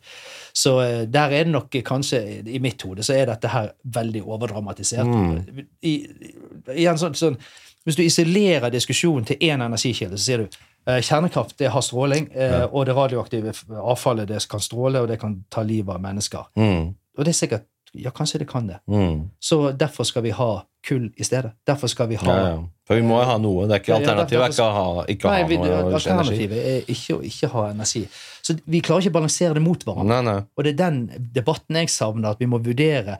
Opp imot, ja. I Norge så er den debatten nå, den handler jo da ikke om stråling, Mm. eh, selv om det er noen frykt for stråling. Men den, det handler jo veldig mye om eh, hva vi tillater av naturinngrep. Ja, ja. Altså Hvis du ser, hva er, hva, er liksom, hva er det vi er opptatt av i Norge? Jo, det er sånn, nå i det siste er jeg blitt veldig opptatt av strømprisene, for vi har jo alltid hatt billig strøm, og nå plutselig er den blitt dyr. Så strømpriser har mye å si. Mm. Men så er det da eh, natur og klima. Sant? Det har jo fått veldig mye fokus, og naturen har fått ekstremt mye fokus. Mm. Eh, og så er det da forsyningssikkerhet. Sant? Det var ingen som snakket om forsyningssikkerhet før krigen i Ukraina. Nå snakker jo alle om forsyningssikkerhet. Mm. Og viktigst av alt er forsyningssikkerhet. Altså, vi, vi kan betale utrolig mye, og vi kan ofre mye natur, så lenge vi bare er sikre på at vi får strømmen når vi trenger den. Ja. Vi må hvordan- ha strøm. Og hvordan er det med kjernekraft? Forsyningssikkerheten? Ja, den bidrar til økt forsyningssikkerhet. Mm. Den bidrar også til billigere strøm. Det har, Ja. altså, der er jo litt sånn eh, La meg, det, la meg bare si kjapt om det med natur. ikke sant? For Ja. det, eh, det er jo det ene aspektet som diskuteres veldig mye nå. Ja. Hvis du ser på Fosen-konflikten, så består jo den av eh, Roan og Storheia vindparker. Det er jo to vindparker Mm. som produserer 1,9 terawatt-time Ja. eh, strøm i året. Så Hvis du da sammenligner sånn en GI Tachi, eh, liten modulær reaktor, eh, som da eh, den produserer 2,5 terawattimer. Litt mer. 37% mer enn de vindparken gjør. Så sier du her tar vi den reaktoren, og så setter vi vindparken, og så sammenligner vi de. Den, eh, den reaktoren består av én eller to turbiner. Den vindparken består av 151 turbiner. Mm. Det er 151 vindturbiner som står da ute i området. Eh, og det er, den har også da 121 km med, med anleggsvei Mm. for de vindkraftverkene. Kjernekraftverket har kanskje 1 kilometer med anleggsvei. Så vi, vi snakker om ekstreme forskjeller. Men planområdet til de vindturbinene for Storheia og Roan, altså det som er Fosen-konfliktens eh, vindparker, da, planområdet er 82 km, kvadratkilometer. Mm. Eh, og det kjernekraftverket det tar plassen til en fotballstadion. Ja. Det er, er 0,05 kvadratkilometer. Så du har 82 versus 0,05. Og Hvis du deler de på hverandre, så finner du ut at Storheia og Roan vindparker som utgjør Fosen-konflikten, har et arealbehov som er 1640 ganger større enn det kjernekraftverket. Mm. Og det merkes jo for det norske folket. For Ja. i Norge har vi ganske god med, godt med plass. Hvis du går til, til Storbritannia, så jo, der bor det 270 mennesker per kvadratkilometer. Mm. I Norge bor det 14. Så vi har plass nok. Men vi vil ikke ofre naturen vår. Nei. At det, naturen er noe av det viktigste for oss. La oss prate fort om risiko mens jeg husker det. Mm. Har, dere, har dere beregnet risikoen for at eh, sånn som du sier, avfallet skal inn i fjellet, eh, mange med 500 meter ned, og så inn i kopper, og så Var det bentonitt du sa? Ja. Ja. Og så ned i bakken. Hva er risikoen, eller har dere beregnet risikoen for om worst case scenario at det skulle korrodere, og så renner det ut, og så ned i noe kombinert med jordskjelv eller et eller annet worst case, og så renner det ned i grunnvannet. Liksom. Risikoene for at sånne type ting skal skje. Ja, Finland og Sverige har gjort det. Ja. Grundige utredninger. Så, der, de, så de har gjort veldig mye Mm. av arbeidet som trengs å gjøres. Men så må jo vi gjøre våre egne vurderinger Mm. av det når Si at, si at Halden bestemmer seg for å gjøre det. da. Ja, ja. Så, vil, så vil det bli gjort tilsvarende vurdering Ja. der, da, men vi kan lene oss på veldig mye av det arbeidet som er gjort i Finland. Og, og, og hva sier Finland og Sverige om risikoen for det, Dette er helt trygt. Det er liksom er- 0,00001 Ja, ja, ja, at du det er- skal skje, eller? er- ja, du, er- du, de konkluderer med de to bananene. Ok. At det, det er risikoen. Altså, De, de, de sier ikke at det er, eh, det er fare for død. de sier at eh, stråledosen er så lave at det ikke er fare for å dø. Ja, fordi Hvis det worst case scenario skulle skje, da, som jeg tenker folk er opptatt av å adressere fryktene sine uh, Hvis det skulle skje, at så lekker det ut, og så finner, treffer alt dette her noe grunnvann, og så renner det ut i grunnvannet Mm. Uh, før, La oss si at det skjer før den halveringstiden sin periode er inntruffet. Da, at det skjer om liksom, de første 100 årene, eller noe sånt. Nå. Og det er først, fortsatt veldig radioaktivt og ioniserende. Hva vil skje da, hvis det renner ut i grunnvannet? Ja, det er jo så, nå begraves det så dypt at det, ikke, at det faktisk ikke skal være et problem for okay. grunnvannet. da. Så det er jo en av de tingene som man faktisk gjør noe med. Men eh, si nå da at eh, um, det blir en verdensomspennende krig. Ja. Atomkrig. til- ja, I hvilke tilfeller jeg tror kanskje vi har større problemer enn deponering av ja, ja. avfall, men det Mm. jo min vurdering. Ja, ja. Men si nå at det gjør det. Eh, eh, Menneskeheten eh, utraderes, Ja. eh, og så er det noen få som overlever. og De dyrker fram noen barn, og, så, Ja, og, så, og de finner ut at de skal grave et hull. Mm. Eh, 500 år fram i tid så skal de grave et hull, og graver de rett ned. Og så treffer de en av disse, de borer ned Ja, treffer en av de kanistene. Mm. Det er uheldig, det. Ja. Men hvis, har vært, hvis da menneskeheten har vært utslettet i mellomtiden, så er jeg ikke ikke sikker på om det er det største Nei. problemet vi skal bekymre oss for. Hva med terror? Om noen skulle utføre noen terroroperasjoner inni der og sprenge hele fjellet i lufta, liksom. Nei, det klarer ikke de. Men det, du kunne tenkt deg at en terror, det kommer en sånn terrororganisasjon og overtar det, og så Mm. sier de vi, vi graver ut igjen den betongen de 500 meter ned, og Ja. så Det er en enorm operasjon. Det er en bra operasjon. Og så henter vi ut i kanistene, Ja, ja, ja. og så bryter vi de opp, og så skal vi da prøve å produsere plutonium. for Ja. Meg høres dette veldig det høres ut som en eventyrfortelling. Da. ja, Er det en sånn type greie at man film, kanskje. Ja, men er i teorien så kunne man tatt det avfallet og så brukt det til å lage kjernefysisk våpen, eller er ikke det noe sammenheng der? Mellom liksom atom, altså Nei, det- altså, I teorien så kunne du kanskje gjort Det er blitt en blitt sånn skittenbombe-type greier. Ja, ja, det- ikke en sånn ordentlig kjernefysisk våpen. Ja, og terror våpen? er jo en av de tingene vi bekymrer oss om. Mm. Ja, ja. Men derfor kan jo det være sånn altså hvis du skal ta, jeg, jeg tror det er helt sånn det, Vi er på sånn surrealistisk nivå nå, men eh, derfor kan det være interessant å diskutere om det å, uh, å ta det i borehull eh, Mm. er bedre. ikke sant? Eh, en, eh, norsk nukleær dekommisjonering vurderer jo det som et alternativ. Mm, At man bruker norsk boreekspertise. ja. Eh, For der er vi gode. Så de kunne fått Halliburton til å bore noen Ja, ja. hull. eh, Og de, de ser på dette. Det er Mm. noe de jobber med. Så borer du det eh, tre kilometer ned i bakken. mhm. Et borehull, og så setter du en sånn ned der, og så går du bort eh, en kilometer, og så borer du en til. ja. Eh, så kan, og det kunne du faktisk gjort offshore. Du kunne boret det ned i grunnfjell eh, offshore hvis, Ja. hvis du får lov av maritim lov. da. Ja, ja. Forurensningsloven stopper vel det i dag. Men eh, da kunne jo faktisk Norge bygget opp eh, en vanvittig ekspertise. Hvis de klarte å, å, å utvikle borehullsteknologi for deponering av radioaktivt avfall, så kunne vi eksportert det. Det hadde vært en milliardbusiness. for ja, ja, ja. Det kan jeg skjønne. Så det er er spennende.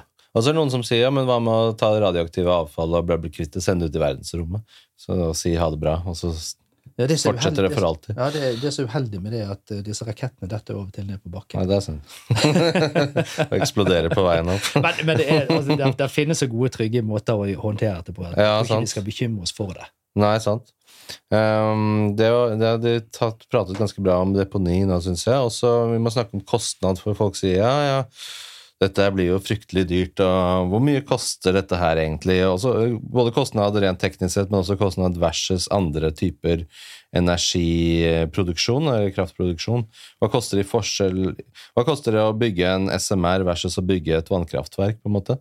Er det en fair sammenligning i forhold til output i, i terawatt-timer og sånt noe? Um, eller hvor mange Det kan vi også ta, og sammenligne et vannkraftverk med en SMR. da. Hvor, hvor mye strøm får man ut av den? Ja, eh, egentlig så er jo det et veldig godt eh, poeng. Jeg har en sånn figur som jeg skulle bare ta opp her. Mm. Heller opp litt kaffe imens. Så, så Det internasjonale energibyrået de har jo da eh, laget noen prognoser. Projected cost of electricity i 2025. Mm. Eh, og det som eh, de sier da, det er at eh, vindkraft på land, det er den Det aller billigste er faktisk å bare forlenge levetiden til eksisterende kjernekraftverk Ja. i verden. Altså det, det gir den billigste strømmen. Mm. Eh, Så sier de at eh, vannkraft det ligger på sånn cirka Det ser ut som det ligger på sånn rundt 70 eh, 70 dollar per megawattime. altså, La oss kalle det bare 70 øre, sier de da. Mm. Eh, I den eh, analysen her så er de lagt på 30 dollar per tonn med CO2-utslipp. Mm. Så, eh, så der har de, de sier vannkraft er 70, eh, 70 Ja. øre. da. Mm. Så tror jeg jo i Norge så er det nok billigere enn det. Mm. Fordi at uh, disse vannkraftverkene som ble bygget ut historisk, de er jo nedbetalt. Så i dag Mm. har vi bare driften av de som gjør at vi har hatt utrolig billig strøm. Det var ja. noe av det virkelig flotte som Norge gjorde. Eh, Bygge ut eh, masse vannkraftverk, eh, og så har vi da, etter de nedbetalt, så bare fortsetter det å dure og gå. Mm. Vannkraftverk kan jo vare i 100 år. ikke sant? Så, så det gir, det, derfor har vi hatt billig strøm i Norge. Men si du skal bygge nye vannkraftverk, da, så eh, hvis det er internasjonalt ifølge det internasjonale energibyrået ligger på 70 øre, så vil jeg jo tro at det det er nærmere halvparten av det. Litt mer enn halvparten for å bygge det Ja, i Norge. fordi dette er per megawatt-time, men hva hvis vi tar de rene tallene? Hva koster det i penger å bygge et vannkraftverk? Oh, det, det, det har jeg ikke peiling på, men jeg kan si hva det koster å bygge en eh, liten modulær reaktor, Ja, og så ja. kan jeg si hva det koster å bygge ut eh, havvind Ja, ja. eller eh, Jo, jeg vet faktisk hva det koster. Mm. Jeg har det. det Pareto eh, gjorde en analyse på det. Mm. Eh, og det de fant ut, da, det var jo at eh, hvis du bygger ut For det, Energikommisjonen de kom jo med sin anbefaling Mm. om at Norge bør bygge ut 40 eh, terawattimer med ny strøm innen Mm. 2030. Ja. For at vi skal liksom nå klimamålet, da. Eh, Jeg kan si litt om det etterpå. Da. Men, men da, eh, da gikk Pareto Securities, eh, analyse- og meglerbyrået, de gikk inn og så gjorde de en analyse. Hva vil det koste? Og så fant de ut det vil koste 420 milliarder kroner. Mm. Og da var de så spesifikke, da. De sa 160 av de går til nettutbygging. Altså, Mm. Nettutbygging sier de koster 4 milliarder kroner per terawatt-time Mm. som du bygger ut. Eh, Solkraften den er dyr, for der må mye bygges på tak. Mm. Eh, Solkraft på tak har kanskje en sånn break-even-kost på 1 krone 40 øre eller 1 krone 50 øre per kilowattime. Mm. Ganske dyrt. Ja, Mm. Solkraft er ifølge NVE så er Ifølge NVE, Norges eh, vassdrag- og energidirektorat, så er solkraft på tak, eh, bunnfast havvind og flytende havvind det er de tre dyreste energitypene vi har. Ja. Og så kommer kjernekraft etterpå. Eh, Men eh, solkraft, eh, det sier da Pareto vil koste 8 milliarder per terawatt-time. Vannkraften sier det vil koste 6,5 ja. milliarder per terawatt-time. Da Mhm. tror jeg det i hovedsak er knyttet til oppgradering av eksisterende vannkraftverk. Mhm. Og så er det vindkraft på land, også de sier er 5 milliarder. Så vindkraft på land er det billigste med 5 milliarder per terawattime. Det er jo en analyse fra Pareto, så kan man være uenig eller ikke med, med det, eller enig eller uenig med det. Men eh, hvis jeg da ser på et sånt kraftverk fra GI Tachi, så eh, koster det La oss si det koster eh, 15 milliarder for eh, 2,5 eh, terawatt-time. Mm. Eh, så får du da en eh, kostnad på 6 milliarder per eh, terawatt-time. Ok, så, Ja. så det jeg sier her, er at eh, oppgradering av vannkraften i Norge og kjernekraft det koster omtrent det samme. Mm. Eh, vindkraften er litt billigere. Men så må du for vindkraft og vannkraft og solkraft så må du bygge nettet. Så du må Ja, legge ja. på 4 milliarder der. Ja. Og dermed så blir det dyrere. Ja. Faktisk så eh, så vi på det med Hvis du skal bygge ut 40 TWh, så sier altså Pareto det koster 420 milliarder. Ja. Hva kan du få for det? Mm. Eh, Og svaret er at eh, da får du, eh, det er 40 terawattimer du får, og så sier vi at ja, du kunne bygget disse GI Tachi-reaktorene. Du kunne bygget 30-40 av de. ja. Og hvor mange terawattimer ville du fått da? Sted mellom 75 og- og 100. Mm. Altså du ville fått over det dobbelte Ja. Igjen for det, og du ville vært helt væruavhengig. Ja. Faktisk for 420 milliarder så kan du bygge altså dette Olkiluoto i Finland. Mm. Olkiluoto 3 Ja. er jo et av de verste eksemplene på kostnadsoverskridelser. Ja, ja. Endte på 125 milliarder eh, kroner, eh, og mange år forsinket. Ja. Du kan bygge tre av de, da. Ja. Det koster 375 milliarder. Ja. Du har fremdeles litt igjen til nettutbygging. Ja, ja. Eh, så da, da, eh, da ville du faktisk fått også 40 terawattimer med strøm. Mm.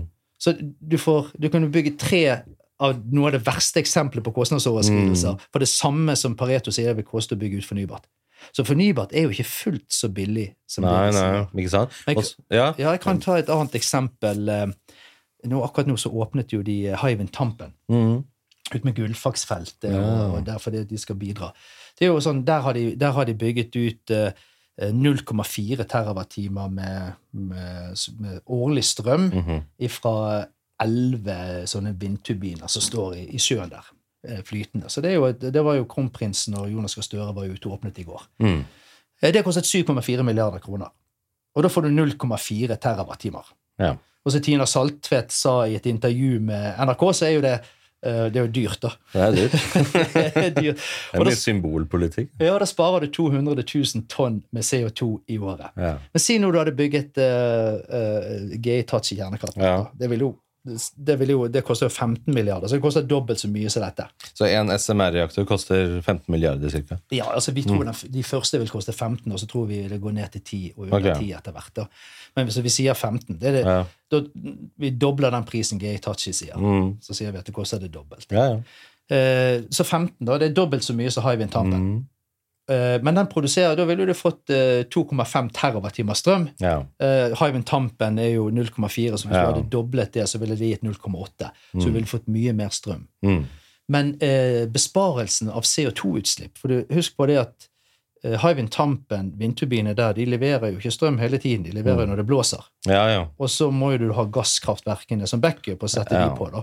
Så det de sier om Hywind Tampen, er at det er et prosjekt som sparer eh, 200 000 tonn Mm. Med CO2 i året.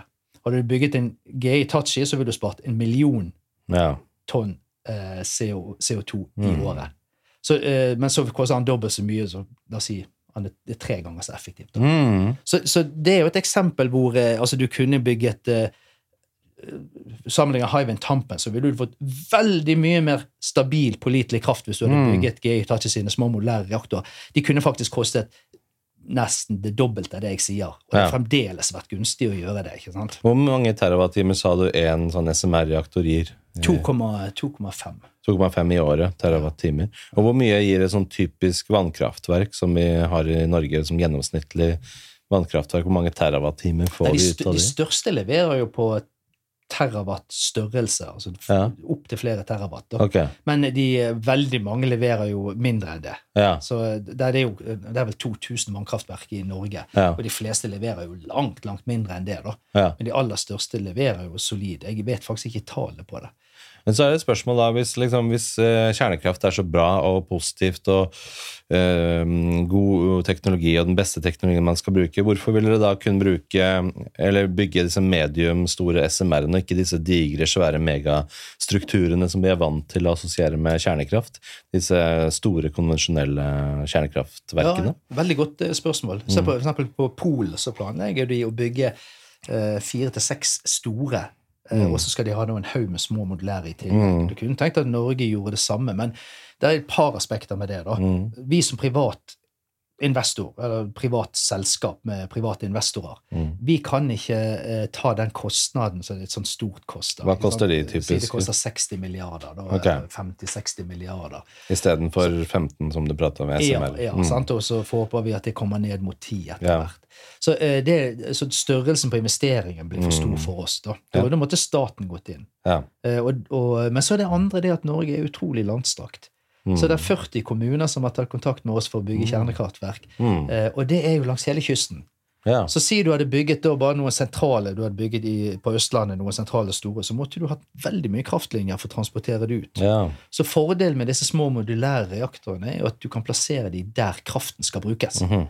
Sant? I hjørnet på en industripark så setter du et sånt kraftverk der, så får du både, da- for da får du også varmen fra kraftverket. For det Ja. produserer jo dobbelt så mye varme som strøm. Og hva kan dere bruke den varmen til? Kan effektivisere elektrolysen i hydrogenproduksjonsanleggene. Du kan eh, bidra til å effektivisere produksjonen av e-fuels. Du kan eh, ha fjernvarme. eh, Til vanlige boligområder? Ja, Mm. så Der det er relevant. Mhm. Så du kan bruke det til utrolig Varmen har veldig stor verdi. Mm. Så det vi tenker, er jo at når vi skal bygge det For det er jo sånn å, kjernekraft er dyrt. Folk glemmer jo ofte det at når vi ønsker å designe dette i en industripark, så ønsker vi å designe det slik at vi optimaliserer bruken av strøm og varme. Mm. Sånn at vi får betalt for varmen i tillegg Ja, ja. til strømmen. Og det jo, gjør jo økonomien vår veldig mye bedre. Det gjør Mm. at vi kan leve med en høyere eh, eh, break-even-kost Ja. på strømprisen Mm. for de første, så lenge vi får også utnyttet varmen. Så det er jo et viktig aspekt. da. Men du reduserer jo da nettutbyggingen. Eh, Kanskje ikke Statnett syns det er kjempegod idé. Mm. Eh, Virket i hvert fall ikke sånn på den Montell-artikkelen som jeg leste i går. Men eh, eh, det å redusere nettutbyggingen er å redusere behovet for naturinngrep. Så det er jo en, et veldig aspekt, men, et viktig aspekt, men det er også kostnadene for nettutbygging. Det er ofte man ikke snakker om med, med fornybart, det er jo at eh, det kommer en del ekstrakostnader. Mm. Så si da at eh, du bygger ut mye vindkraft i Norge, sånn som det legges opp til nå. Så er jo da eh, en av utfordringene er at eh, det får du når det blåser. Så for at du skal ha stabil strømleveranse, så må du da bygge nett over lange områder. Du må gjerne bygge hydrogenkraftverk. Eh, Du må ha noe som kan lage strøm når det ikke blåser. Mm. Eh, og det eh, innebærer kostnader. Så både det å bygge nettet til dette, for det er jo desentralisert langt vekke fra folk, Mm. eh, det at du, du må ha da batterier som tar, kan lage strømmen, eller hydrogenkraftverk som kan produsere når det, når, du, når, du, eh, når det ikke blåser og ikke solen skinner, det er kostnader som vi kaller for systemkostnader, eller integreringskostnader. Og, det er gode studier som viser at jo mer væravhengig kraft du får i energimiksen, jo mer øker disse. Og nå så vi allerede på Paretos rapport at fornybart var kanskje ikke fullt så billig som det mange vil ha det til. Eh, Og det må vi ta inn over oss. Og så må vi huske det at disse integreringskostnadene de kommer ikke på strømregningen. Mm. De kommer på, eh, i form av skatter og avgifter. Ja. Mm. Altså det, det er en del av det kostnadsbildet. Mm. Men eh, nå sto jo nå sto faktisk Oslo Åsle Haga og sa nede i Arendal at eh, kjernekraft er den desidert dyreste energikilden vi har. Hvorfor sa hun det? Nei, det lurte jeg òg på, da. Så, så det skriver jeg om eh, Sunniva skriver om det i Nettavisen. Da. Men eh, det desidert dyreste vi har i dag, det er jo flytende havvind. Ja. Og så eh, Etter det så kommer bunnfast havvind, og etter det så kommer eh, eh, solkraft på tak, og så kommer kjernekraft eh, ned. I hvert fall i de analysene fra Det internasjonale energibyrået og analysene fra NVE. Eh, Og det kan sikkert variere over tid. Men eh, du ser jo eksempel Utsira Nord, som er jo et stort prosjekt for å bygge ut syv terawattimer med flytende havvind. Mm. Og det skal jo gjøres nå eh, fram mot eh, 2030. Det sier de vil koste 250 milliarder kroner. Mm. Og så du kunne bygge to av disse her Olkiluoto 3. De leverer jo 13 terawattimer hver. Mm. Så da ville du fått, eh, da ville du fått eh, 26 terawattimer med strøm istedenfor 7 for samme pris. Så det Hvorfor skal de absolutt ha dem ute på havet? Hvorfor skal de være flytende? Fordi folk ikke vil bygge dem på land? ja, Kunne ikke gjort det samme med nukleære reaktorer? da? Send dem ut på havet hvis de ikke vil ha dem på land? Jo, altså, flytende kunne- reaktorer? Det kunne, det Mm. kunne du for så vidt gjort, men da må jo du igjen eh, ha, eh, ha nettverket. Og så, altså, I dag så lages jo disse små Ja. Mm. reaktorene. Der kommer noen konsepter for lektere. da. Ja. Eh, Seaborg Technologies i Danmark Mm. planlegger jo det. Da kan du legge de på sjøen. Ja. Men du må fremdeles ha de liksom beskyttet. Du kunne jo, I teorien kunne du bygd de på en plattform. ikke sant? Det var en, I lunsjen her en kompis av meg, Steinar, som sa ja, men hvis folk er så redde for det, kan man ikke bare bygge et svært reaktorskip, da, sånn som uh, den der USS Gerald Ford, bare at hele greia er et flytende reaktor, og så kjører den dit, eh, den, den seiler dit hvor man har mest behov for strøm, og så kjører man noen landkabler inn på den, og så står den og er et uh, kraftverk Ja, som, er- som, som pl- supplier Det er nettopp det som er ideen til, eh, nei, til Seaborg Technologies. Ja. De, deres marked er jo først og fremst i Asia, for der har du når monsunen er og, så du har, du får, du har verken gode vind- eller solforhold. Mm. Så de ser at fornybart eh, Vietnam, for eksempel, så ser de at eh, fornybart eh, vil slite store deler av året. Så der Ja. ser jo de da et sånt marked hvor de ser for seg at de bygger lektere, Mm. altså skip, da, med, med kjernekraftreaktorer om bord.